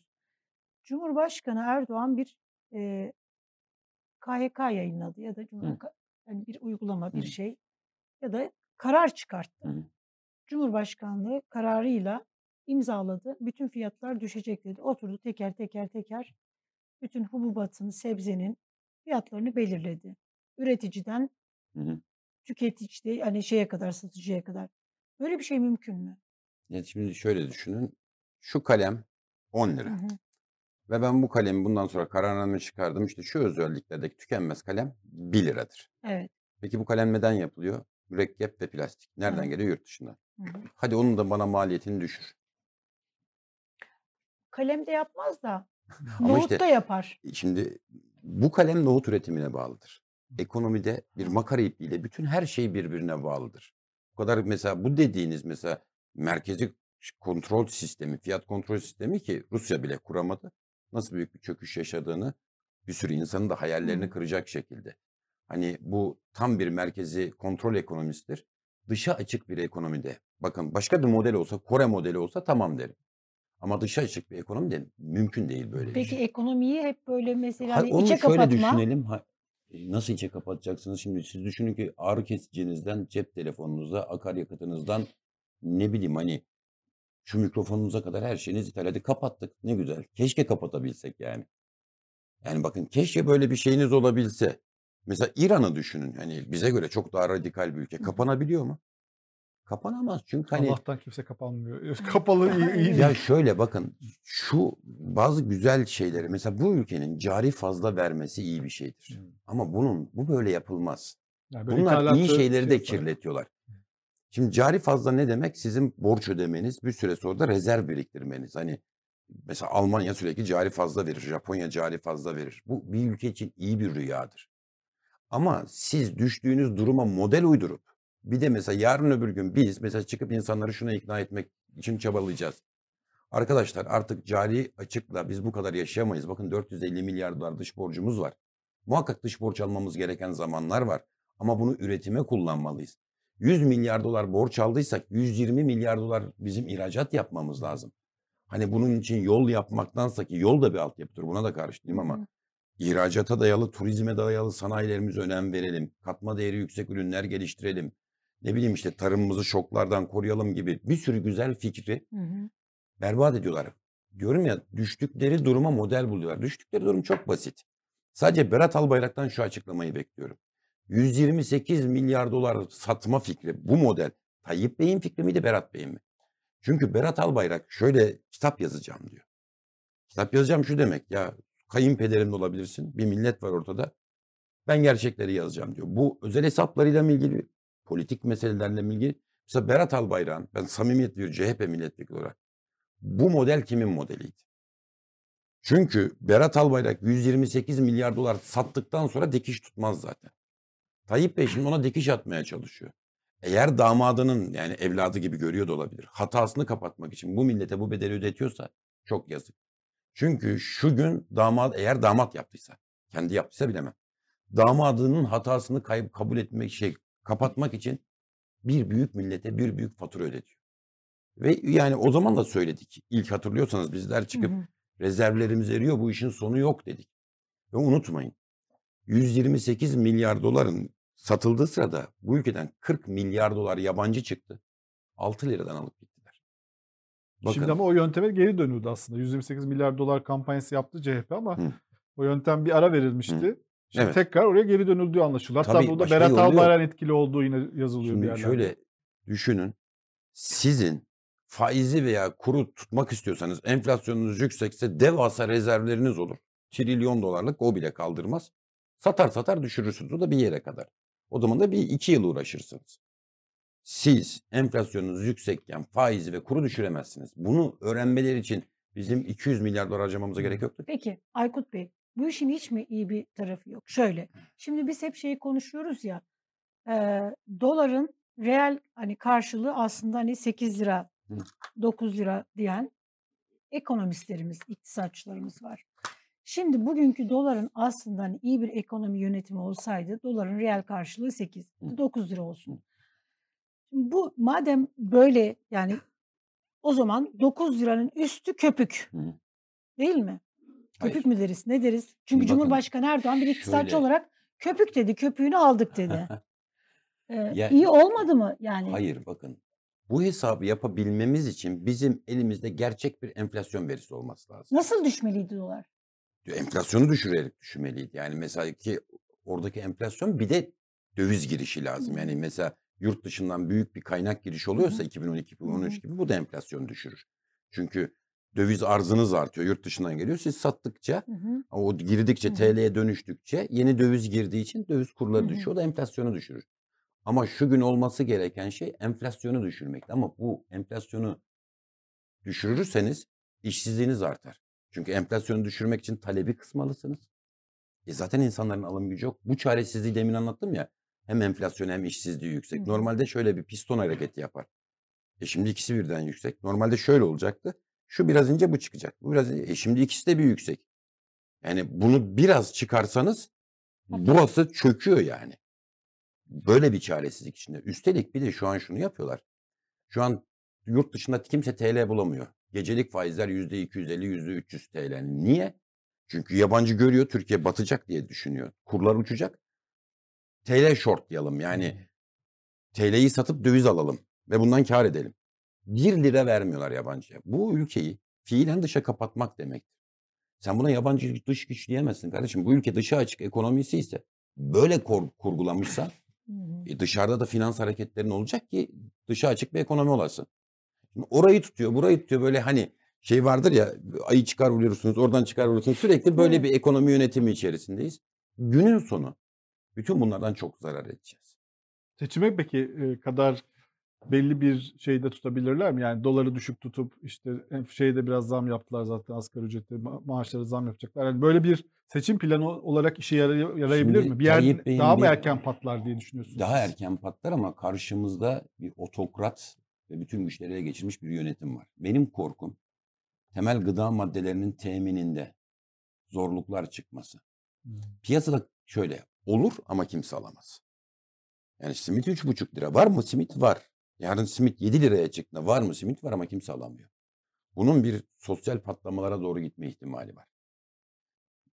Şunu görüyorsunuz hani insanlar tencereye vuruyor ve hiç böyle eylem görülmemiş semtlerde oluyor. Doğuda insanlar hani biraz daha bu insanları sıkarsanız bu insanlarda bir patlama olabilir. Sokağa çıkmalar başlayabilir. Onu da eminim Tayyip Bey şey diyecek dış güçler. Ya ben muhalefet milletvekiliyim. Ben bu ülkede bir alternatif üretmek ve insanlarda alternatif bir gelecek var. Biz ulusuz birlikte kalalım. Kaderimiz bu kadar karanlık değil diye anlatmak zorundayım. Evet. Ben bunu anlattıkça bana diyor ki sen dış güçsün. Ya kardeşim ben dış güç falan değilim. Allah'tan ben varım ki. Çünkü insanlar büyük bir ağır depresyona girecekler. Şimdi biz konuştukça, eleştirdikçe ve bu hayat bu gerçekleri ittikçe, insanlar bunu yaptıkça bunların ne yapacağını çok tahmin edemiyorum. Çünkü rasyonel bir yapıyla karşı karşıya değiliz. Rasyonel bir yapı olsa benim bu anlattığımı Tayyip Bey, Merkez Bankası'ndan bir uzman, hazineden bir uzman çağırsa bunu anlatır Tayyip Bey'e. Sayın Cumhurbaşkanım falan filan filan. Ya bunu ki devlet kaynaklarında bunu dinlemiş biri bir saatte dolar düşürdüm der mi ya? İki ay sonra mahvolacak bu ülke. O zaman ne diyeceksin? Hani ben mesela konuşurken muhalefet milletvekiliyim. Daha serbest ve sert konuşmam gerekirken bakın hep ihtiyatlı konuşuyorum. Şu koşullar olursa bu koşullar olursa. Tayyip Bey çıktı. Nasıl doları bir saatte düşürdüm dedi. Siyaset yapıyor. Siyaset böyle bir şey değil. Bakın bir siyaseti çok Bir böyle AK Parti'de bir enerji artması oldu ama sanki değil mi? Ama Tabanda şöyle da. bir şey. Yani yine söylüyorum. Hastayı kanser etmişsiniz. Ona da eroin vermişsiniz. Bak ne güzel kendini ne iyi hissediyor. Ne mutlu bakıyor. Falan demek gibi bir şey bu. Yani diyorum ya Türkiye'de her kavram kirletildi. Siyaset yapılıyor. Siyaset insanları kandırmak, yalan söylemek, gelecekte bildiğim bir şeyi başka türlü anlatmak meselesi değil ki. Şu an biz düşeceğiz. Tayyip Bey sürekli merdiven koyarak tırmanıyor. Düşeceğimiz yer daha yüksek olacak. Ee, bir iktisatçı teyze tanıdık dün akşam. Hı. Ee, ve böyle hani TT oldu.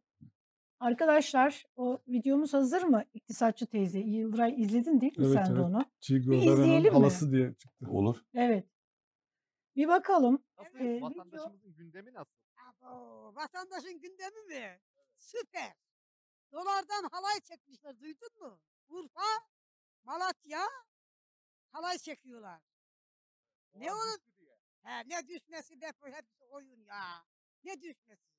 Acaba bundan kimler vurdu? 18 bin liradan eee, sattılar 12 bin liradan geri aldılar. Bundan devletin haberi yok mu? Bir, ya sen 20 seneden beri başlasın. Bir istihdamın yok mu? Bir ekonomin yok mu? Sen nasıl devletsin? Üretmedin mi? Yüzde seksen devlet üretmesi lazım. İstihdam sağlama vergiyle, zamına ülke dönüyorsa yaşamazsın. Diyorlar kaz bulduk o da yok. 50 sene yeter. Ben hiç inanmıyorum. Hiç inanmıyorum. Hepsi yalan, hepsi palavra, hepsi palavra. İş- Özelleştirme, özel... Hakikaten bu özelleştirme paralar ne yaptılar? Bir sürü şeker fabrikaları özelleştirdiler. Siber Holding'i özelleştirdiler. Karadeniz Bakır İşletmeleri özelleştirdiler. Kek'i özelleştirdiler. Daha aklıma gelmiyor. Ya ne yaptılar paraları? Nereye gitti bu paralar? Ha bir de milli piyango. Ya kardeşim milli piyango bir milli servet. Onu da sattı. Ya bu ha bir de bu sermayeden çekilsin. Bu sermaye var ya bu sermaye. Tekelci kapitalistler. Bunlar sermayenin dostu. Bayağı şey, Çin modeli diyor. Yani ancak hani bu kadarını evet, alabildik. bayağı şey ya. Evet. Yani Yani sosyalist. benim eee, Merkez Bankası Başkanı adayım teyze. Ya, Şaka yapmıyorum. Da daha iyi. Ma Hazine Maliye Bakanı olabilir. O da olmazsa Cumhurbaşkanlığı tek kişilik hükümet sisteminde teyze daha Küba oluruz ama teyze olursa. Teyzenin modeli biraz öyle. Emin misin? Ne güzel ama yani şöyle bir mesela rasyonelitesi var. Bu fıtrat Evet. meselesidir. Yani diyor ki özelleştirme bu paralar Hı. nerede? yani bir de bağlıyor birbirini. Şimdi- Hükümet Hı. özelleştirme şey tabii ekonomik model konusunda azıcık daha şey olsa evet bence de teyzeden Merkez Bankası Başkanı. Ha, evet. Ne Evet. işte bu insanların yaşadığı bu ülkede hani biz insanları böyle bir prototip sanıyoruz. Bu Evet. teyzeden Hı. böyle bir şey çıkacağını bekler miydiniz? Vallahi gidiyorsunuz Anadolu'ya bir fırına giriyorsunuz. Fırıncı bir Evet, konuşmaya başlıyor. Evet, Şok evet, oluyorsunuz evet. yani. Şimdi e, başka bir konu var e, şu anda gündem olan E, İstanbul Büyükşehir Belediyesi ile ilgili İçişleri Bakanlığı bir e, şey başlattı. Soruşturma, inceleme artık. Teftiş Ne? süreci başlattı. İşte daha önce bir takım haberler çıkmıştı zaten. İşte PKK, DHKPC falan diye uzayan bir terör örgütü listesi, FETÖ, irtibat ve iltisaklı insanları işe aldığı söyleniyor. E, hatta bugün galiba Ekrem İmamoğlu CHP Genel Merkezi'nde bir açıklama yapacakmış. Bununla ilgili bir haber gördüm. Siz ne dü- düşünüyorsunuz? Yani böyle bir el yükseltme gibi bir şey mi oluyor? Yani Ne tuhaf oluyor? bir şey yani hani bu. Çünkü bu irtibat iltisak şeyi de çok hani hukuki tabirler değil. Böyle herkes suçlu olmasa da işte istihbarat raporlarıyla işte bir gün şurada gösteriye katılmıştım, bilmem şurada şeye katılmışsın şeklinde. Herhangi bir adli sicilinde bir şey olmasa da insanlarla ilgili böyle istihbarat raporları çıkabiliyor. Siz ne düşünüyorsunuz? Ya velev ki diyelim bunların hepsi dediği yani yok öyle bir şey de. Ya niye ben senden izinsiz alamıyorum ki? Ben soruyorum güvenlik soruşturmasını yapıyorsun. Bunu işe al diyorsun. Sonra bak gördün mü sen terör. Demek ki sen bana bunu gönderdin. Çünkü biz bunların adli sicil kağıdı olmadan işe başlatmamız mümkün değil bir. İkincisi 86 bin çalışanı var. Birçoğu AK Parti zamanında girmiş insanlar. Bu İş insanları çıkartıldı mı? Bu böyle mesela hani Şöyle bir zaman tek- zaman Tevfik Göksu da bunu dile getiriyor. Diyor ki hani 14 bin Şu kısmı bitirelim istersen sonra işçi kısmı çıkarmaya bu ilginç Şimdi bir şey. birinci mesele şu. Biz güvenlik birimlerinin onayını almadan personel falan almıyoruz işe. Hı hı. İkinci mesele. Mevzu eğer Süleyman Soylu'ysa ben Süleyman Soylu'yu mecliste çok karşılaştık. Çok şey yaptık. Gerçekten rezerv koyun. Bir HDP milletvekili çıktı bütçede. O genç bir arkadaş öyle bir şey söyledi ki sen dedi terörist evinde saklıyorsun dedi. Gittim sonra konuştum. Ya ki bizim gençlik merkezinden biri. HDP'nin kayıtlı üyesi ortalıkta geziyor. Üstelik diyor bir cinayetle bağdaştırıyorlar diyor elde delil melil yok. Vurulan da AK Partili biri başka bir aşiret. Biz de başka bir büyük bir aşiretiz. Ya diyor ki şurada bir siyasi bir şey yalan söylüyor diyor. Ve iki aşiret birbirine girebilir diyor. Kan akar. Şimdi Süleyman Soylu'ya baktığınızda şimdiye kadar söylediği onlarca şey itibariyle söylüyor. Arkadaş kim bu 500 kişi? Hemen gereğini yapacaksın. Bana niye o zaman adli sicil temiz kağıdı gönderdin? Üstelik sen 86 bin çalışanı bu 500 kişi de kim olduğunu yok liste göndermiş falan filan. Nasıl böyle bir zan altında bırakırsan? Şu an Süleyman Soylu AK Partili değil. Süleyman Soylu MHP'li de değil. Süleyman Soylu dengenin adamı orada. Tayyip Bey'in hiç haz ettiğini sanmıyorum ama Devlet Bahçeli ile ittifakının devamının şeyi. Zaten Süleyman Soylu diyorum ya e, meclisteki tiyatrosunda ilk ben söyledim. Bu adam gelecek ve buraya kavga çıkaracak. Çünkü hakkında korkunç iddialar var. Hiçbirine cevap veremiyor. AK Parti grubunda çok büyük bir rahatsızlık var. Tek yolu şu ağırlıklı HDP'ye saldırarak sonra CHP ve İyi Parti'ye saldırarak kendisini meclis kahramanı ilan edecek. Hatta onun da yaptı ya şehit şey, ailelerini ayakta alkışlayın diye bütün gruplar ayağa kaldırdı. Bir genel başkan gibi kendisini alkışlattı. Özgür Özel de buna sert bir tepki gösterdi hatırlıyorsan. Mesele Süleyman Soylu'ysa herkes bir çok büyük rezervle baksın. Bu sadece şey Süleyman Soylu'nun siyaseten döşediği bir yol. Bundan hiçbir şey çıkmayacak ama toplumu çok huzursuz ediyor. Ekrem İmamoğlu şimdi İstanbul'u kaybetmiş olma AK Parti'yi çok üzebilir. Ya biz 9 seçim kaybettik kardeşim. 9 seçim kaybettik. 20 yıldır bu ülkeyi yönetiyorsunuz. Bu ülkenin demokratik olgunluğuna bakın. Bir sürü badireler atlattınız, şu oldu, bu oldu falan filan ama sonuçta yönettiniz. İstanbul'da biz kazandık. Biz yönetmek istiyoruz. Yani taksicisinden Tevfik Bey'ine, meclis kararlarından bilmem neye kadar. Yani elimizi kolumuzu her şeyimizi bağlıyorlar. Buna rağmen iyi bir iş yaptığımızda da yani büyük bir sosyal medya ordusuyla yok işte otobüs itilmiş ya arkadaş bunlar doğru değil.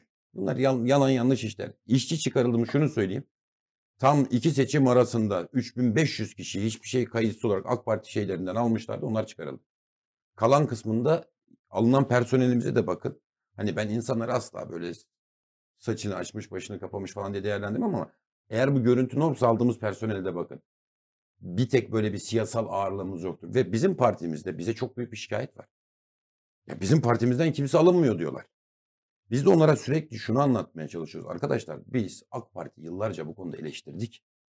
Şimdi düşünsenize bütün CHP örgütlerini oraya doldurursak biz ne diyeceğiz insanlara? Ve bu konuda büyük baskı var bakın. Üzerimizde büyük baskı var. Bunu e, siyasi bir hamle, stratejik bir şey olarak mı yapıyorsunuz? Hangisini? Yani işte hani e, diyorsunuz ya Vallahi kendi bunu ben tabanımızda. samimi söyleyeyim. Ben ben arayıp söylüyorum. Yani şöyle çok ihtiyacı olan vardı. Başkanlar yapmıyor. Buna yani çünkü şöyle düşünüyorlar onlar da. Biz herkese hizmet etmek zorundayız. Yıllar yılı bunu eleştirerek geldik. Şu an itibariyle biz bunu yapmamalıyız diyorlar. Peki Üstelik iktidar bizim- olduğunuzda da aynı şey devam edecek mi? Bu Ya devam hani- etmek zorunda bakın. Biz de koca bir hareketiz. Hani ben burada böyle şunu söyleyeyim hani ben bu partinin öz evlatlarından biriyim. Savunduğum değer şu. Arkadaş bu şekilde işsizliği çözemezsin. Bizim tabanımız, benim tabanım 20 yıldır, 30 yıldır iktidarsız şey yok. Yani güç yok elinde. Buna rağmen hayatta tutunmuş. Ve sürekli her yerde dışlanıyor. Ya benim tabanımda mesela Aleviler var, Kürtler var, sekülerler var, başı açık teyzeler var. Ya bunun çocuğunun mesela hangi sınavı kazanabilmiş? Bana bir tane Alevi vali söyleyin. Bir tane Alevi emniyet müdürü Yok, söyleyin. evet. Bu toplumlar zaten iktidar gücü olmadan yaşamaya alışmış. Biz eşitlik getirsek zaten var olacaklar. Aykut Bey şöyle bir soru. Şunu söyleyeyim sadece. Buyurun. İşsizlik sorunu kamu istihdamında Hı. torpille çözülmez. Kamu istihdamında yapacağınız torpil Türkiye ekonomisini tıkar. Oysa ki Türkiye ekonomisini sağlıklı %5, %6 büyütebilirseniz zaten benim tabanımda, onun tabanında herkesin tabanı iş bulacak. Şimdi- Rasyonel olan bu. Evet. Şimdi şöyle bir sorun var e, Aykut Bey. Bunu böyle hani e, Adnan merhum Adnan Menderes'in en önemli bakanlarından e, Samet A- A- Ağoğlu da babasının işte hani biyografisini yazdığı kitabında ve bir tane şey var.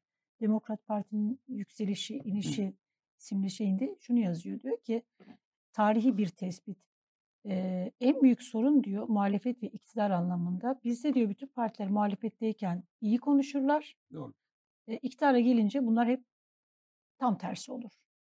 Şimdi bu konuda en temizi kabul edelim ki e, AK Parti'ydi. Yani bagajı yoktu.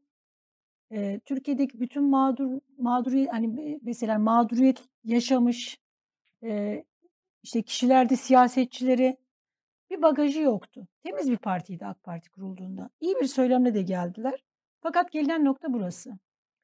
Şimdi ister istemez şu oluşuyor. Yani AK Parti bile bu noktaya geldiyse CHP'nin bunu şimdi muhalefetteyken hani seçim kazanmak için söylemediğini, bir strateji olmadığını nereden bileceğiz? Ee, onun için hani bunu içselleştirdiniz mi? Burada hani kendinizle bir yüzleşme bir şey var mı? Ee, İki söyleyeyim. lütfen yanlış anlamayın. Yo, estağfurullah. Ben çok samimi söylüyorum. Hı Bir takım belediyelerimizdeki uygulamadan rahatsızlığımı Hı hı, parti için şeyde hı. falan paylaşmış biriyim. Evet. Kamuoyuyla da paylaştım geçmişte bazı belediyelerimizde olan şeylerle falan filan. İkinci meseleye gelince birkaç noktada itirazım var. Hı hı. Bir AK Parti kurulduğunda temizliyorsunuz ama başka bir gözle bakarsanız İstanbul Büyükşehir Belediyesi'nden gelen örtülü Hı hı. hesaplar, işte Maksut Bey yani yapılan soruşturmalar falan filan. Hani bir yere koyalım. Hı hı. CHP gelince bunları yapar mı? Vallahi yapar diye hazırlanın. Benim size söylediğim şu. Mekanizmaları kurmadıktan sonra sizin bunu engelleyecek bir ama en önemlisi kültür ve etik mekanizmalarını üzerine de kurumsal mekan herkes yapar. Ben de yaparım. Ben bu yüzden mesela mecliste bir konuşmam vardır benim siyasi e, nüfus sahibi kişilerin mal varlığının Evet. takibiyle ilgili. Evet. Mesela bu yasa Greco çıkmıyor. şeydi mi? Ve emin olun hani bu yasayı bir çıkarıl. CHP, İyi Parti, AK Parti, HDP bakalım içten hangi kimler destek veriyor. Evet. Yoksa bizim partinin içinden de bir takım şeyler oluyor mu? Çünkü biz koca bir devasa hareketiz. Ama şunu bütün kalbimle söylüyorum. Muhafazakar bir ailede yetiştim. Ve ben CHP'nin öz evlatlarından biriyim. Böyle her iki tabanda çok iyi tanıyarak söylüyorum. Cumhuriyet Halk Partisi bir sürü eksiği olan ama benim gözümde benim için en kıymetli olan, çok kıymetli insanların olduğu şey olarak hani bu konularda anlaşmakta Hı hı. şeyinde değiliz. Ama ben yine şunu tekrar tekrar söylüyorum. Ne bana, ne CHP'ye, ne başka birine asla kontrolsüz bir yetki emanet edilmemeli. Bizim şu an Türkiye'de yeni bir motivasyona ihtiyacımız var. Hı hı. Bu motivasyonu sağ hep millet ve din üzerinden, sol devrim ve sınıf üzerinden yaptı. Ve bu motivasyonların ne kadar kötüye kullanıldığını gördük biz. Hepimiz için aynı şeyler söz konusu. Ama şimdi siz Tarım Bakanlığı'na bir daire başkanı koydunuz. 10 milyon dolarlık ihale Hı yapacak. hı. Bu kişi 1 milyon dolar önüne konulduğunda yakalanma şeyi bile yoksa bu kişinin o paraya tenezzül etmemesinin motivasyonu nedir? İslam deseniz çürütüldü, milliyetçilik deseniz çürütüldü, devrim deseniz çürütüldü. Biz Hı kime hı. güveneceğiz? Neye güveneceğiz? Onun için sadece kurum yetmiyor. Kültürün ve ahlakın yeniden inşası gerekiyor. Bir adam veya bir kadın akşam 6'da mesaisi bitti. Milli Eğitim Bakanlığı'nda ya 2-3 saat daha çalışayım çocukların şunu hazırlayayım motivasyonu ne olacak? Hangi motivasyonla bunu yaptırmak zorundayız? Şimdi herkesin kendi içerisinde seçimde bizim kadın kollarımız deli gibi çalışıyor. AK Parti'nin kadın kolları deli gibi çalışıyor. Karşılıklı motivasyon birbirinden nefret edilmek üzere. Aman onlar gelir diye çalışıyorlar. Bugün bizim bu ülkemizde milli bir stratejimiz var. Madem milletiz diyoruz. Bizdeki millet bilinci bir sürü şeyi dışlayan, din bilinci bir sürü kimliği dışlayan. Ya biz burada 83 milli, milyonuz değil mi? Evet. İçimizde Kürdü var, Alevisi var, inananı var, inanmayanı var. Yani şeriat isteyeni bile var. Ama biz öyle bir hale geldik ki motivasyonumuz bir diğer kimliğin riski üzerine kurulu. Bugün AK Parti'nin götürdüğü şey şu. CHP'liler iktidara gelecek diyorlar. Kızınızın başına açacaklar diyorlar. Yani biliyorum çünkü diyorum ya iki kültürü de görmüş olarak geliyorum. Bizim siyasetimiz, Orta Doğu'nun siyaseti yüzyıllardır bunun üzerine kurulmuş durumda. Batı bunu çok daha hızlı aştı. Çünkü acısını çok daha erkenden Evet. çekti. Ama bizim artık Tayyip Bey sonrası dönemde Millet İttifakı'nın şöyle bir şansı yok. Tayyip Bey'in kullandığı gibi bir iktidar veya Tayyip Bey öncesinde süper bir ülkede yaşamıyorduk ama bu kadar da kötü değildi. Onun için bizim yepyeni bir şey inşa etmemiz gerekiyor. hı. Bu inşa her şeyden önce duyguyla başlamalı. Bakın sizlerle bizler bundan 10 sene öncesinde bayağı sert rakiplerdik. Ama bugün bir masanın etrafında oturduk. Değil mi? Evet. Aynı ülkeye benzer kaygıları taşıyoruz. Geldiğimiz disiplinler farklı olabilir. Şimdi mesela beni burada görenler vay be bizim Aykut'a bak. Diyecek mesela bu duyguyu veya sizin tabanınızdan olan CHP'li şunu getirmişler ya şu hele hele ki şu yani falan. Sizinle ilgili öyle bir şey var? Ya var muhakkak var. Ya benimle ilgili inşa edilmiş şey ben bir AK Partili gözünden bana bakın benden Evet. nefret edersiniz. Ama bunu kim inşa ediyor? Ya ben darbede, mecliste ölüyordum. Evet. Ölüyordum ya. Ya. Asla teslim olmayacağım dedi ki silahla gitmişiz. Tamam mı? Ve şey de böyle AK Parti milletvekilleri çok korkuyorlar. Bak samimi bütün kalbimle söylüyorum. Meclis yıkılmaya başlayınca çünkü taban çökmeye başladı. Şeye indik. Siz Bodrum katına. mı? Ya biz daha hazırlıklıyız. Çünkü hani onlar hep devlet yanında olmuş. Biz hep devlet bir şekilde karşımızda olmuş. Hani bizim yanımızda sis bombaları, ses bombaları, çatışmalar Gezi Parkı'ndan şuradan buradan ama AK Partiler bembeyaz bir surat var. Moral vermeye çalışıyoruz. Ben, Bülent Tezcan, Tekin Bingöl ve şey dedik hani bizim zafer işaretimiz şudur. Bu bizim zafer işaretimizdir. Darbecilere karşı zafer işareti yaptık. Benimle birlikte de Çorum milletvekili eski sendikacı Şey, eee AK İş Başkanımız. Aha. Başkanı evet. Salim Uslu. Muslu. Muslu. Salih Muslu da hani tabii darbedeyiz hep beraber dinliyoruz. O da zafer işareti yaptı. Bizim o resmimizi aldılar. ya, AK Parti milletvekili var. Diyor ki bu diyor darbeci diyor darbenin zaferini yapıyor diyor. Ya bütün her Aa, tarafta bu fotoğraf mi? altında. Ya arkadaşım meclisteyiz. Yanımdaki AK Parti milletvekili darbe benim adım darbeciye çıktı. Allah Allah. Tabii FETÖ darbesini şey e, sığınağa girmiş bir sıçan gibi FETÖ darbesini destek için bunu yaptı diyor. Allah Allah. Şimdi bir AK Partili bu Facebook'ta falan dolaşıyor bu böyle. Her yerde dolaşıyor. E şu son açıklamanızı madem soralım o zaman. Bir not almıştık. Hı. Şimdi siz yine gündemdesiniz. Büyük ihtimalle Biraz nedir? siz de rahat durmuyorsunuz herhalde. Yani bu mesela şey demişsiniz. İnönü'nün 27 Mayıs darbesi öncesi Menderes'e söz, söylediği söz. Hani sizi biz bile kurtaramayız. Yani Baktınız nerede? dün, dün ve evvelki gün konuştuk. Evet, Baktınız evet. mı o konuşmaya mesela? Ee, onun için akıllarınızı başınıza alın. anda. demiş. Anlattığım şu. Demin size ne, ne diyorsunuz? Yani Ha, bu şimdi şu. bu söz biraz böyle darbeyi çağrıştıran bir şey. Durduk yerde niye bunu söylediniz? Ne anlatmaya çalıştınız? Durduk yerde söylemedim. Demin size anlattığım vardı ya. Evet. Sosyal patlamalar, temel Evet. hizmetlerindeki ve insanlar aç kalırsa iktidara çok kızarlar. Hı hı. Bakın dış güç müç güç diyorsunuz. Eğer aç kalmış insanlar sokağa çıkarsa biz bunu durdurmakta zorlanabiliriz. Hı hı. Onun için bugünler ne olur şimdiden bak sizi uyarıyorum. Bugünler önümüzde olabilir. Buna dış güç işte dış güç demeyin. Aç kalmış insanlar tehlikeli olabilir. Ben bunu Gezi Parkı'nda yaşadım. Berkin Elvan'ın cenazesi Gezi Parkı'nda böyle çok aç kalma üzerine bir şey yok yok yoktu. şöyle öf, kitle Öfke, öfkesinden. kitle. Gustave Le Bon. Kitle karşıdan geliyor. Berkin'i kaybetmişiz. Büyük bir acı var. Üç tane polis otobüsünü koymuşlar oraya. Hedef çocuklar. Ve milyonlarca insan önünden Hı akıyor. hı. Ben en öne geçtim. Tanıdık tipleri de önümüze koyduk. Şöyle çocuklar, polisler arkamızda. Şimdi gelip mesela o Aykut abi dur diyor. Aykut abi dur diyor. Bütün o kitle önümüzden aktı. Çocuğun biri böyle belli ki beyaz yaka bir çocuk yani şeyde geldi omuzuma bastı bir vurdu polis camı şey yapıldı. Cam şu ensemi kesti. Oo. Ben o çocuklara polisler de arkada duruyor yani. Sonuçta orada biz onu kitle aktığı zaman şimdi bunlar hani böyle miting yönetir gibi değildir öfkeli kitleler. Gezi Parkı'nda mesela iki grup birbirine giriyor. Bir solcu bir ulusalcı grup. Biri Hava İş Sendikası öbürü de bilmem HDP'nin bilmem veya Kürt örgüt. Abi arada kalıyorsun. Ve milletvekili onun için kitle baş kaldırdığında onu kontrol etme şansınız yoktur. Yani bu parti bir hareket değil onu anlatmaya çalıştım. Sizden rica ediyorum. Yani ben şunu söyleyeyim. Bu öfke böyle giderse bu öfkenin sonucunda halk çünkü olanları da öğrendikten sonra ben halkın öfkesinden çok korkuyorum.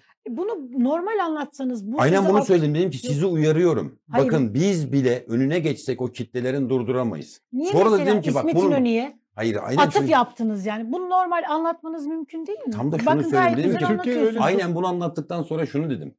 Dedim ki bak büyük ihtimalle diyecekler ki aynı İsmet Paşa'nın Menderes uyardığı gibi Aykut Erdoğan da aynen bakın aynen bunu söyledim. Şu konuşmayı yaptım. Baktım buradan bunu çıkarırlar. Dedim ki bak yemin ediyorum. E, Siz biraz böyle karpuz kabuğu düşürmüşsünüz. Hiç Yok. bunu referans vermeseydiniz daha iyi olmaz mıydı? Ya referans vermediğim ne konuşmalarından neler çıkardılar. Ne konuş. Mesela ben şunu söyledim. Tayyip Erdoğan'ın yaşamasını, hı. sağlığını herkesten daha çok istiyorum dedim. Bana dediler Tayyip Erdoğan ölsün istiyorlar. Şey, bir köpekli bir video vardı hatırlar mısınız? Ya bir video çekiyorum. Köpek sevgisini anlatacağım. Sokakta yaşayan biri harika bir köpek yetiştirmiş. Otur diyorsun, yat diyor, kalkıyor falan böyle insan gibi neredeyse. Videoyu çekiyorum. Birisi bir şey Her söylemiş. seferinde adam Tayyip Erdoğan'a hakaret ediyor. Her seferinde Tayyip Erdoğan'a adam hakaret ediyor. Ben de aman yapma kardeşim politik bir şey söylemem falan. Yanlış 3 videodan yanlış videoya koymuşum. Adam yine Tayyip Erdoğan'a ölsün istiyorum diyor. Abdülkadir Selvi yazı yazdı. Aykut Erdoğan'ı Tayyip Erdoğan'a ölsün istiyorum dedi. Ya aradım. CNN'de konuşuyoruz. Dedim ki ya ben ben değilim adam söylüyor. Ben engel olmaya çalışıyorum. Ya nasıl bunu yazarsın? Yazıyor. Ne dedi peki? Hiçbir şey. Hiçbir şey. Nasıl yani? Düzeltmedi bile. Orada bile düzeltmiyor. Diyorum ki kardeşim bak diyaloğu koymuşsun. Adama Aykut diyorsun. Aykut'a adam diyorsun. Adam, adam diyor ki Tayyip Erdoğan ölsün. Ben diyorum ki yapma kardeşim bak politik bir şey söyleme diyorum. Ne güzel köpeğim var. Evsiz bilmem neyi gösteriyorum. Diyor ki Aykut Erdoğdu köpek üzerinden Tayyip Erdoğan ölsün dedi. Bu CHP'yi batıran zihniyet işte Tayyip Erdoğan'a böyle saldırıyorlar. Ya ben demedim. Demedim demedim diye dilimde tüy bitti ama adam bunu yazdı. Şimdi bir sürü AK Partili sanıyor ki ben Tayyip Erdoğan'a ölsün dedim. Ben şu gün Tayyip Erdoğan'ın veya AK Parti'nin tamam mı? En lehine şeyi kuruyorum. Onlar belki onu göremiyor. Aç kalırsa halk çok öfkelenir. Bu öfkeden korkun. Bizim sonuçta şeyimiz ne? Hukuk içinde kalmak değil mi? Kitlenin önüne biz bile geçersek ezer geçerler bizi. Bu çok çok Böyle bir geleneği çok fazla yok ama Türkiye'nin. Yani çok Valla az olmuş bir şey. şöyle bir şey, Yani böylesine genel bir olarak şeyde- sandıkta bakın- tepkisini gösteren bir toplumda Şunu yaşıyoruz. söylüyorum. Benim bütün beklentim bu. Türkiye'nin huzur içinde. Çünkü seçimi kazanacağımızın ihtimalini yüksek görüyorum. Belli de olmaz.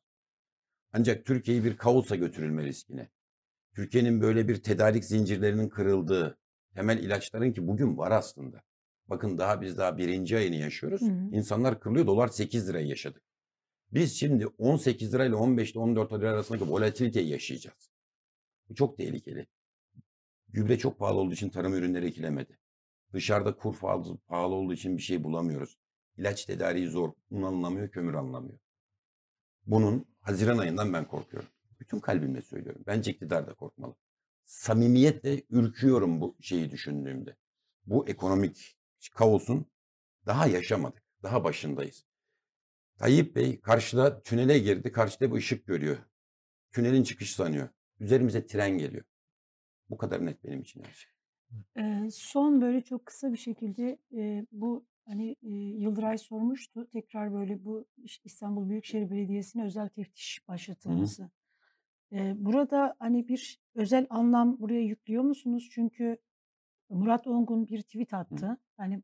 bu saatten itibaren, eee, İmamoğlu halka emanet, hani, hı. sizlere emanet diye. Bir kayyum süreci ya da başka bir şey. Ya Burada böyle bir özel şey böyle, hani, yoksa, hani, bu evet teftiş sürecini başlat başlatırlar ama buradan bir şey çıkmaz.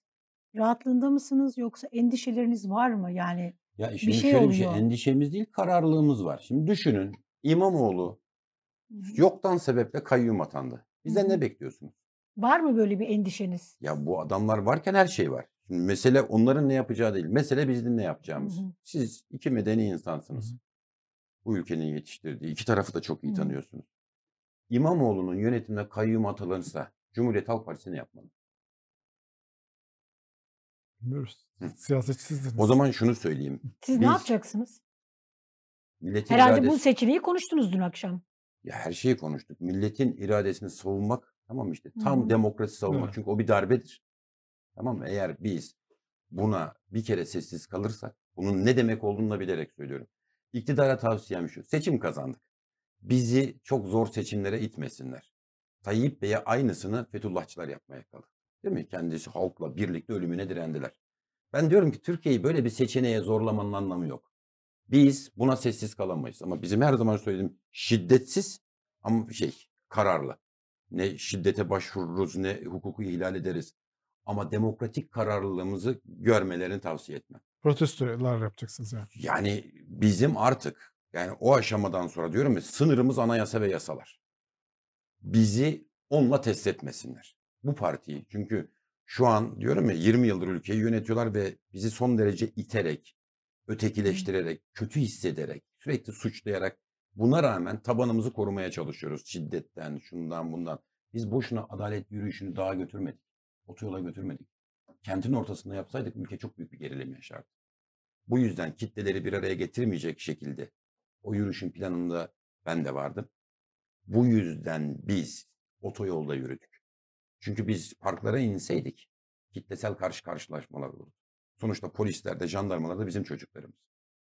Biz bir de sıradan partiliyiz. Bu ülkenin kurucu partisiyle bu ülkenin emniyet güçlerinin çatışması doğru bir şey değil. Evet. Yanlış bir şey. Diyorum yani o kararlılığımız o zaman neydi? 450 kilometre yürüdük ki hem bir derdimiz var hem de ülkeye gelmek istemiyoruz. Ama Ekrem İmamoğlu, Mansur Yavaş bunlar bizim göz bebeklerimiz. Zor bela seçildik. Çok haksız seçimlerden çıktık. Tavsiye etmem. Siz de kazandınız. Bakın biz uymak zorundayız. Siz de uymak zorundasınız. Onlar da uymak zorunda. Diğer belediye başkanı mesela ben e, başka bir belediye başkanı olsam. Mersin Hı. atıyorum.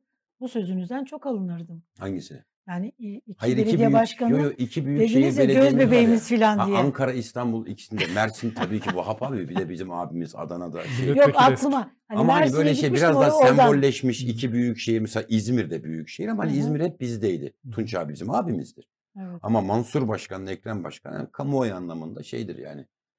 Evet, Ben de çok gurur duyuyorum bütün belediye evet. başkanlarımızdan özellikle. Nazire yani- yaptım size. Yo yo Tamam. estağfurullah. ya. Evet. Ee, evet programımızın sonuna geldik. Ee, çok müsaadeniz olursa Yıldıray yani e, Mehmet Barlas orucu tutuyorum ben de biliyorsun. Arada ama orucu bozuyorum. Kefaleti var bunun. Fakat bugün durum ne olursa olsun bozmam lazım. Ee, Mehmet Barlas bugün gene muhteşem bir yazı yazmış. Bizden başka yani bizimle beraber şunu fark ettim. Artık herkes Mehmet Barlas okuyor. İşte amacına ulaşıyor demek. Evet. Böyle bazı hani köşe yazar arkadaşlar filan arkadaşlarımız da aa gördün mü yine Barlas bak neler yazmış filan deyip gönderiyorlar. Mehmet Barlas bugün çok güzel bir şey açıklamış. İddiada bulunuyor. Çok güzel dediğim hani beğendiğim anlamına gelmiyor.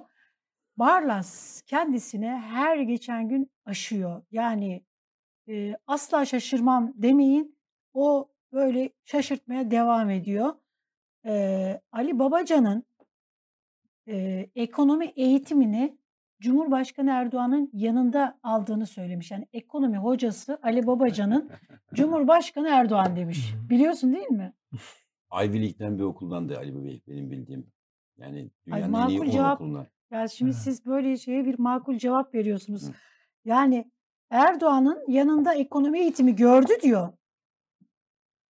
Yani ben böyle bir iddia ömrü hayatımda bu Çin modelinden e, Erdoğan'ın hani Çin modeli sonra faiz enflasyon bu it, bu şey var ya bu e, Erdoğan'ın e, faiz sebeptir enflasyon sonuçtur tezinden hani onun böyle pabucunu dama ata- atacak bir böyle şey. Yani Ali Babacan'a sorarsın artık bu Ali akşam. Babacan'la bu akşam bizim yayınımız var. Ee, direkt bu soruyla ekonomi eğitimini Sayın Babacan kimin yanında aldınız, hocanız kimdir diye sorarak başlayacağım. Akşam 9'da yayınımız var. İnşallah gerçeği söyler. İnşallah gerçek. Ama şu bir gerçek Aykut Bey. Cumhurbaşkanı Erdoğan ülkeyi iktisatçı yaptı.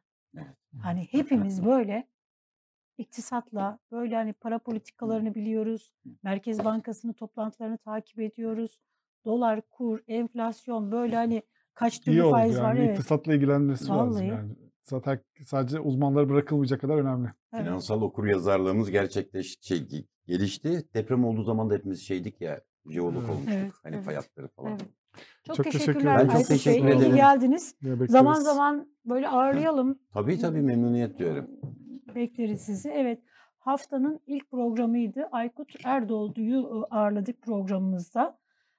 Ee, yarına yine aynı saatte e, Yıldıray Uğur sizlerle beraber olacak. Hı hı. Artık Sen yanında yoksun. ben yokum. Ee, Sen Ankara'dasın. ben Ankara'da olacağım. Ee, yarın Yıldıray sizinle görüşünceye kadar kendinize iyi bakınız.